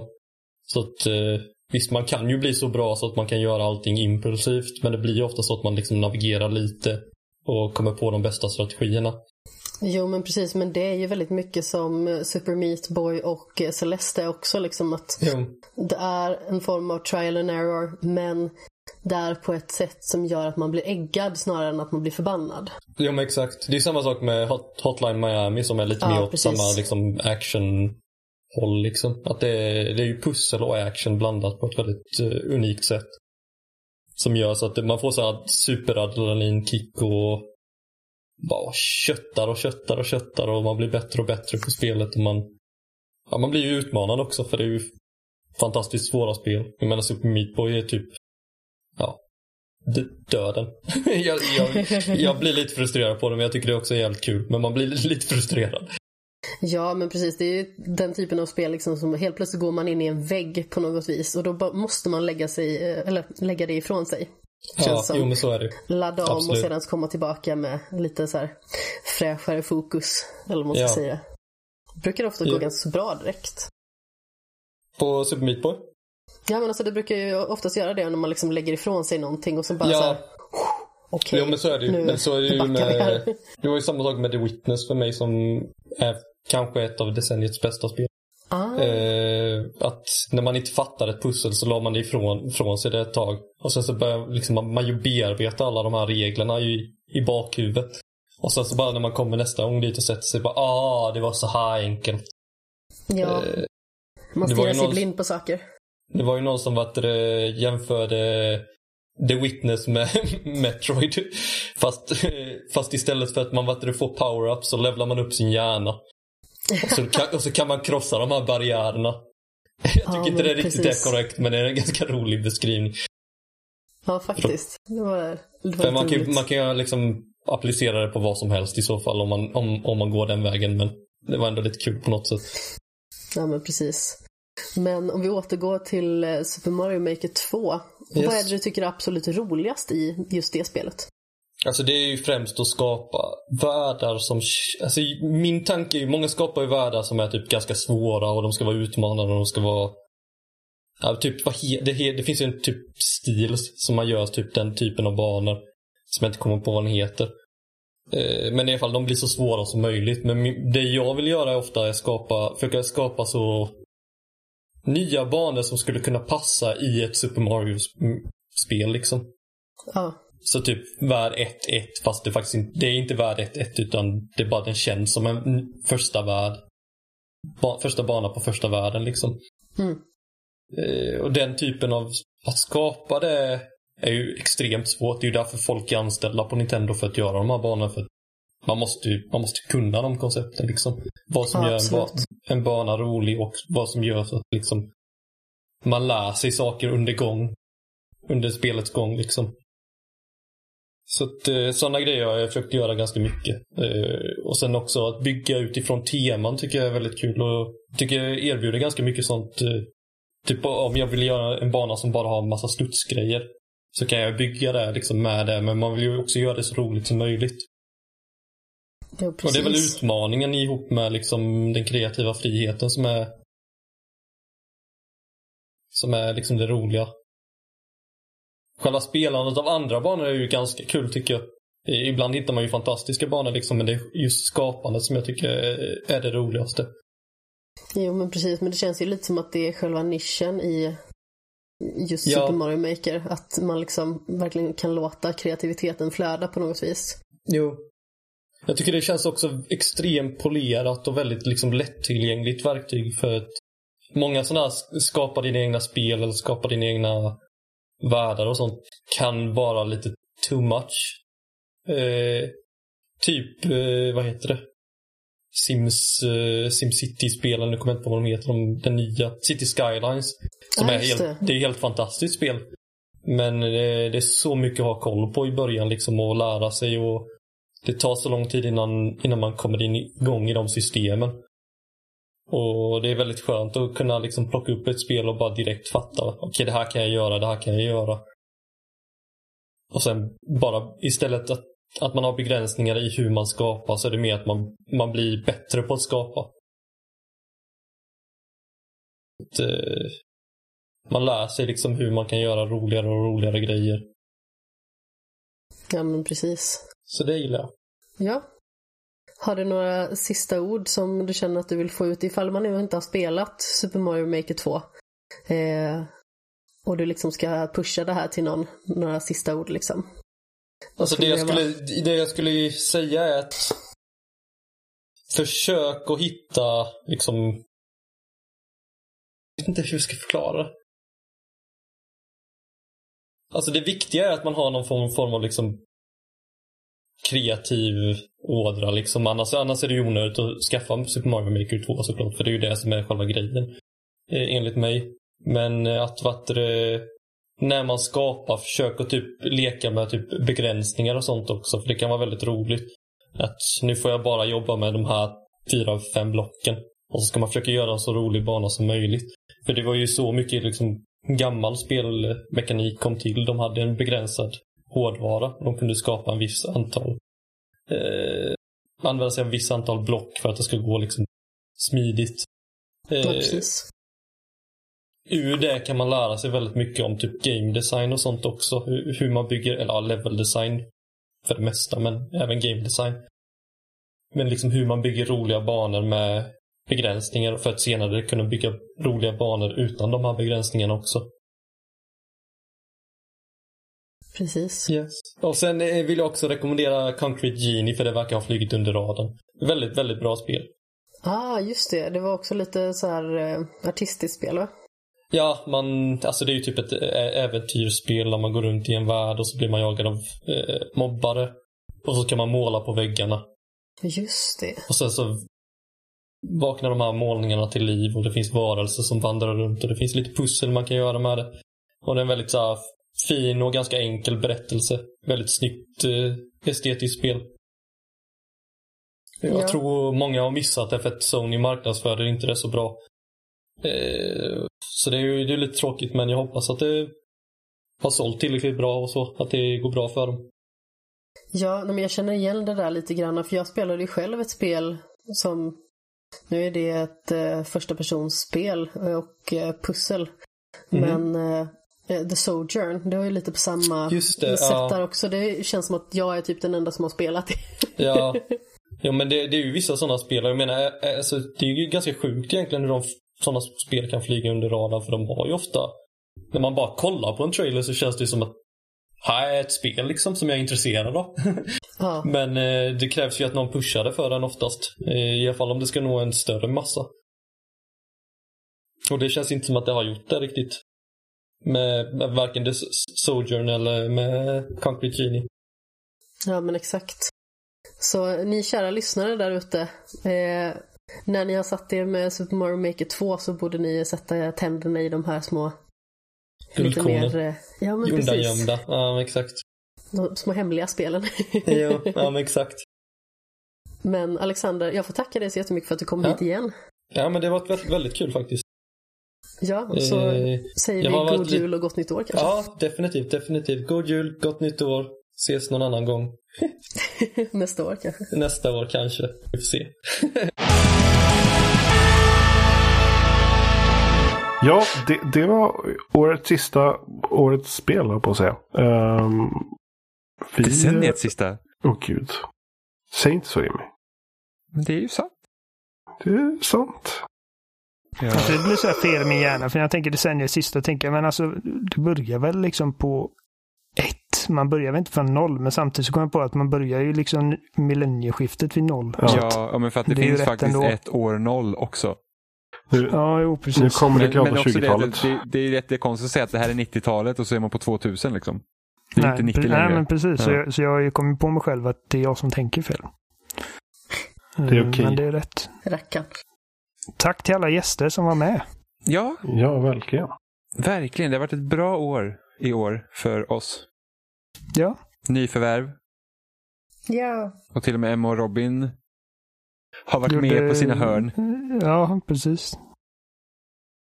Så det har varit Och, kul. eh, och där är liksom rekordår i antal avsnitt som Jimmy inte varit med i, så det måste ju vara bra.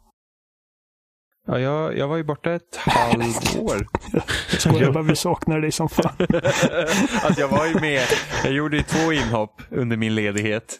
Jag kidnappade Ja. dig till skämshögen istället. Ja, det gjorde jag. Jag ska inte podda någonting. Och sen så bara, yeah, jag gjorde jättemycket podcast ändå. Ja, jag och Johan satt där och bara, vad fan den jäveln. Ja.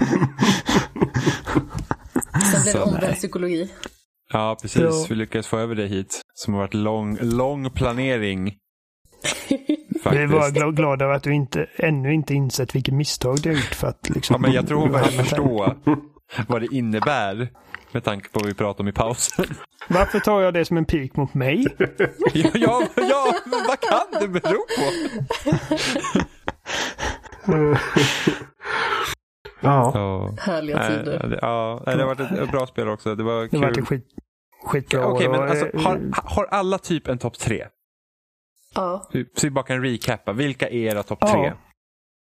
Topp tre vadå? Decenniet? Jimmy, du kan Nej, börja. nej, nej, nej, nej. topp tre alltså i år. Decenniet får bli en annan diskussion Ja. Nu, nu Vi- saktar vi Ja, ner lite. jag menar det. Jag tänkte bara liksom, vad, vad är det du får mig att... Nej, nej, alltså topp tre spel i år. Ja, men börja du så tar vi den ordningen som eh, vi Okej. pratade. Nummer ett såklart Outer Wilds. Outer Wilds, Outer Wilds, Outer Wilds. Ja, Amanda. precis, Outer Wilds. Och sen så nummer två, Outer Wilds. Och nummer tre, Outer Wilds. Nej, men eh, först Outer Wilds, obviously. Eh, tvåa är Sekiro för mig. Mm. Jag tycker det, alltså det, det var verkligen så att ja, men så här, bita i naglarna spel och bara så här typ att fy fan vad dålig jag är och jag, jag var så här, jag kommer ge upp på det här spelet, jag kommer inte klara det till att liksom bara stånga sig blodig mot någon jävla boss och sen så bara jag kom vidare och det känns så bra. Eh, så Bloodborne hade en ganska tidig boss där man kände att här är Bloodborns tröskel, kommer man förbi den så är man klar. Eh, Sekiro, liksom den bossen för Sekiro, den kom mycket, mycket längre in i spelet innan man liksom verkligen sa okej nu förstår jag liksom spelet. Vilken boss tänker du på? Eh, det är Genichiro uppe på Ja, ja. okej. slottet. Eh, när man har klarat, för där är det så att du måste, kunna, du måste kunna parera och du måste liksom kunna göra de här olika grejerna för att klara honom. Och det är liksom träning för resten av spelet. Eh, så att, så att eh, du liksom efter, efter den bossen så var det så här, okej nu klickar det, nu kommer jag klara det här förhoppningsvis. Eh, och sen... Tredje försöket för mig. Ja, det, mig var det typ tredje kvällen. skryt, skryt. Som sagt, jag, jag är inte bra på den där spelen. Eh, och nummer tre är Apex Legends. För det Oh, ja. är, det är så här, Battle Royale-genren har alltid, det liksom intresserar mig. Så här, bara, du har ett liv. Alltså, förra generationen kändes det typ som omöjligt att du inte ska kunna liksom typ spana typ så fort som möjligt och döda typ Call of Duty style allting. Och sen att det ska komma liksom då en genre där du har ett liv och dör du så är du ute ur matchen direkt och du kan liksom dö två minuter in, du kan dö tio minuter in utan att ha gjort någonting, du kan dö en halvtimme in utan att egentligen åstadkomma någonting och sen så kan du liksom vara i toppstriden och hjärtat dunkar liksom som om det, du hade bara typ injicerat adrenalin i det. Eh, för att det är liksom så spännande. Och hela genren liksom är ju någon så här så att jag tycker det är jättespännande att ha en sån här grej. Men liksom Battlegrounds klickar inte för att på konsol är det hemskt. Fortnite var helt okej tills folk började bygga jättepenisar och liksom var så att jag hinner inte med att bygga alla de här grejerna. Eh, H1Z1 där egentligen var första spelet som faktiskt hade det här som läge och det var innan Battlegrounds. Där var jag inte intresserad av det för då tyckte jag att hela zombie-överlevar-grejen var mycket mer intressant än vad Battle Royale var. Och sen kom Apex Legends som bara sa att hur vore det om det här spelet inte bara känns bra att skjuta, det är också lite snabbare men du har fortfarande kvar den här nerven som de andra spelen har. Och det är liksom Apex lyckades med helt perfekt. Så vilket är det bästa Battle Royale-spelet som finns. Mm, ja, men jag, jag tycker också det, det, det och Tetris 99. Jag tycker det är... Ja, det är fan sjukt. Tetris, Tetris 99 som ett Battle Royale-spel. Liksom, Vem hade kunnat tro att Tetris skulle fungera som Battle Royale? Eller hur? Och ändå gör det perfekt. Det är skitkul. Ja. Amanda? Eh, ja, precis som tidigare deklarerat, eh, Sayonara Wild Hearts i toppen. Mm. Och semideklarerat var ju också på plats nummer två Fire Emblem Three Houses som jag tycker tar det Fire Emblem har varit liksom på 3DS. De eleverar det så att det liksom är ett, ett, ett snyggt spel i allmänhet. Eh, det har ett intressant upplägg. Jag bryr mig mycket mer om karaktärerna. Jag bryr mig om vad som finns att göra runt omkring. Eh, och klickar inte bara förbi till striderna. Striderna som är helt fantastiska. Jag älskar stridssystemet i Fire Emblem. Ehm, och sen på plats nummer tre har vi The Sojourn. Som typ jag är den enda som har spelat i hela spelsverige känns som. jag har inte hört någon annan som har typ nämnt det överhuvudtaget. Men Nej, eh, inte jag heller. Men jag har kollat bilder, det ser väldigt fint ut. ja, och det var ju det jag pratade om eh, som du eh, tyckte skulle vara ett Jimmy-spel, Oliver. Ja, precis. Det Mm. låter som ett Jimmy-spel. Ja, men som sagt, det är pussellösningar där man jobbar mellan parallella världar. Och, Alla eh, spel är Jimmy-spel. Det är ett eh, fantastiskt vackert spel samtidigt. Och det finns någonting liksom intressant underliggande där som man kan försöka nysta i. Men som sagt, i allmänhet, bara så här, det är ett pusselspel som det är utmanande. Men det är liksom inte som att jag vill slita mitt hår. Utan det liksom känns som att okej, nu kanske jag bara behöver lämna det här spelet några minuter, komma tillbaka och sedan kanske det sitter. Så det uppskattar jag mycket. Johan?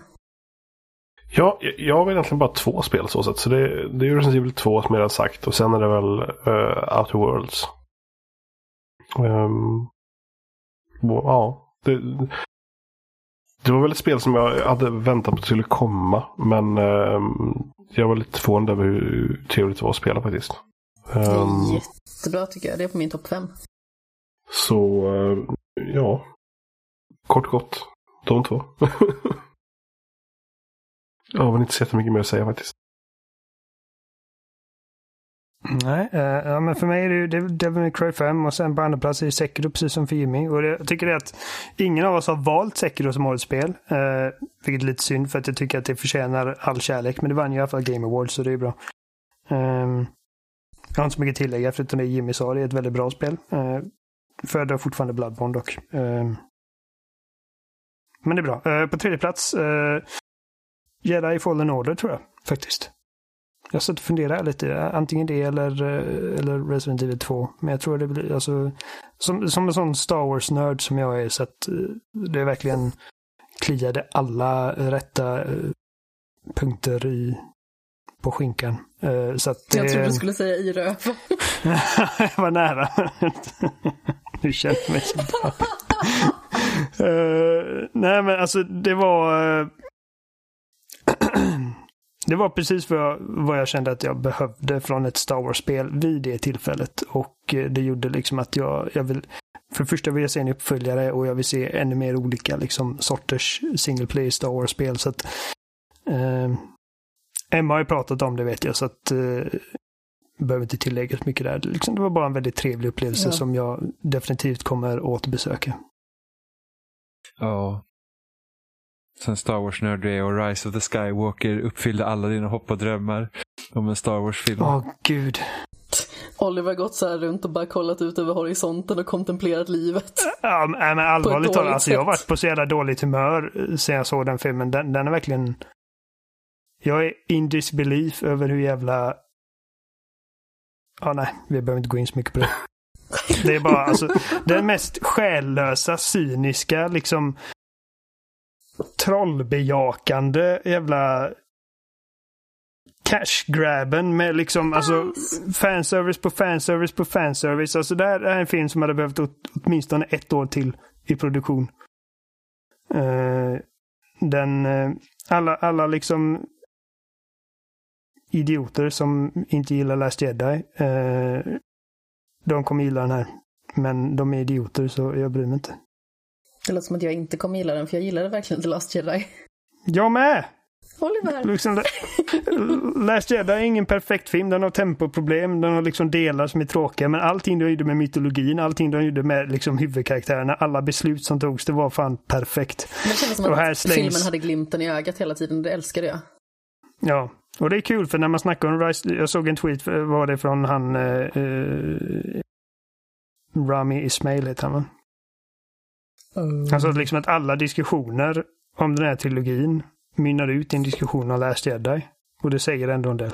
Att det finns, liksom oavsett om du hatar den eller älskar den, finns det så mycket att säga om den filmen. Ja. Och eh, det är väl ändå liksom Star Wars är ju liksom en dum fantasi i princip, men det måste inte vara det. Alltså, det kan väl finnas lite mer eh, tanke bakom. Al- Alltså, de bara slängde ut allting från Last Jedi. Och eh, bara sket i det liksom. Retcon allting. Uh, Fismumrikar. Åh, gud. Inte ens actionscenerna var bra. Nej, alltså som sagt, jag, det, det, är som att, det är som att en, en familjemedlem har dött. Liksom, jag bara sitter och grinar. Jenny, Jenny säger typ alltså du måste fan gå vidare. Kommer du vara så här resten av livet? Jag bara, jag vet inte. Jag ska Ja, det- nej jag vet inte. Ja, Jenny börjar redan så här få kalla fötter inför bröllopet. Hon bara, nej jag kan inte, I can't do Ja. Jenny älskar den. Men eh, hon gillar alla Star Wars-filmer förutom prequel-filmerna. Jag hade inga problem med den heller. Men Eh, vilken? den senaste. Såg du Rise of Skywalker? Ja. Ja, okej. ja. Nej, men det är ja, kul för dig. Men samtidigt så ja, det är jättefuckat med typ att de gjorde saker i den förra filmen och så plötsligt bara liksom nej. Det, det, Ja, det, jo, det det är är konstigt. Och det är typ redan i liksom filmens, alltså givetvis, alla som lyssnar nu, eh, inga spoilers överhuvudtaget, men alltså redan i liksom textscrollen i början så det är bara what the fuck? Skojar ni? Nej, det är bara... Ja. Och jag menar inte det jag sa om att alla som inte gillar Last Jedi är idioter. Jag vet att det finns folk som kommer lyssna på detta och säga att Last Jedi är en skitfilm. Ni, ni är fortfarande mina kompisar. Jimmy. Mm. Ja, men Jimmy, Jimmy gillar det som, spelar no som spelade roll i den filmen. Ja, Han bara precis. tyckte den var Jag, lite jag, tråkig. precis. Jag, jag tyckte att filmen var långtråkig och att vissa delar var så att det här förstår jag inte. Och sen, så, sen så är jag ju alltid lite så här, mittenfilmen utspelar sig under så korta, så kort tidsperiod att man liksom säger att jag har ingen aning liksom hur, hur, liksom, hur ligger universumet till och det ska bara vara en film till som tar liksom slut på den här trilogin. Det kändes inte Mm. som att man, alltså, det kändes inte som att de rörde sig så mycket i Last Jedi, vilket jag Jag är synd. inte, jag gillar det. Jag hade gärna sett mer av Luke och Ray i Last Jedi. Än Ja, jag kasinodelen med. till exempel. Och, och liksom att så här, det är jättesvårt att veta varför The First Order är liksom vad är, vad är grejen med dem? Förutom att de är the bad guys. Liksom. The baddies. Ja, men jag känner att det mynnar ut i att eh, som, eh, som jag nämnde det för dig igår Jimmy, att liksom Ryan Johnson har sagt att eh, att bara göra liksom saker bara för fansens skull och liksom baserat på vad man tror att de vill se, det är ett misstag. För att det liksom, alltså jag som ett fan så känner jag att jag vet inte vad jag vill se. Det var liksom det enda jag gick in, när jag gick in på Rise of Skywalker, det enda jag visste var vad jag inte ville se och det var vad jag fick. Uh, annars var det liksom att jag vill bli överraskad. Jag vill bli överraskad i varje film. Liksom. Och Last Jedi överraskar mig flera gånger. Ja, gud, det Och var den här många var gånger liksom- Last Jedi. Man bara what? Det här hade Ja, jag inte verkligen. räknat med. Gud vad spännande liksom. Eh, Men den här var liksom, alltså jag kunde liksom se alla twists a mile away. Det var liksom... Den överraskade inte en enda gång. Och eh, den bara tar det enklaste, simplaste vägen ut i varenda liksom turn som händer i filmen. Och liksom... Det är som att de har haft en lista med så här fanteorier och bara det här måste vi få in, det här måste vi få in, det här måste vi få in. Åh, folk har klagat i alla år på att Chewie inte fick en medalj i, eh, i, i New Hope. Det måste vi fixa.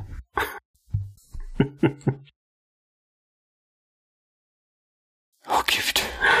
Nej, jag måste, jag måste gå härifrån. Jag blir upprörd. Så är jag, lilla, lilla vän. Skulle du vilja se Rise of the Skywalker i VR? What? Jag vet inte vad du blir upprörd när man nämner VR. Jaha. Skulle inte vilja se någon film i VR. Det är, don't get me started on VR. Vi behöver gå och lägga oss höll jag på att säga. Men så gamla är vi inte. Nej, fan det är lördag. Då får man Ja. vara uppe länge. Ja. Jag är en stor kille nu. Jag får uppe hur länge jag vill. Vi finns som vanligt på spelsnack.com och där hittar ni länkar till alla möjliga ställen. Um, rap, rap. Ehm, ja. Skriv till oss. Kontakt spelsnack.com eller skriv till oss på Twitter, ett spelsnackpodd eller ja. Vi finns överallt ingenstans. Oh, nästa vecka är det inget avsnitt. Ja, just det. Det, det vi, blir... Vi, det blir veckan efter Varför det. då? För att vi är på bröllop och vi firar jul och annat konstigt. Mm. Någon gifter sig tydligen. Ja. Ja. Ol- Olivers bajs ska bli Jennys bajs. I en enda stor bajscocktail. Jag har sagt i ett år att jag ska lära mig dansa. Jag har fortfarande inte börjat öva. Det är en vecka kvar. Det ligger lite brunt till alltså. Jag ligger jävligt brut till. Kan Jenny dansa då? Uh, Jenny? Kan du dansa? Ja, säger hon. Det har inte jag sett, men... Nej, för någon kommer vi få se. Upp till bevis. Du får föra, okej? Ja. Ja. Vi, vi säger väl hej då då. Så hörs vi 2020. Det gör vi. Ja, det gör vi. Hej. Puss i. Hej då.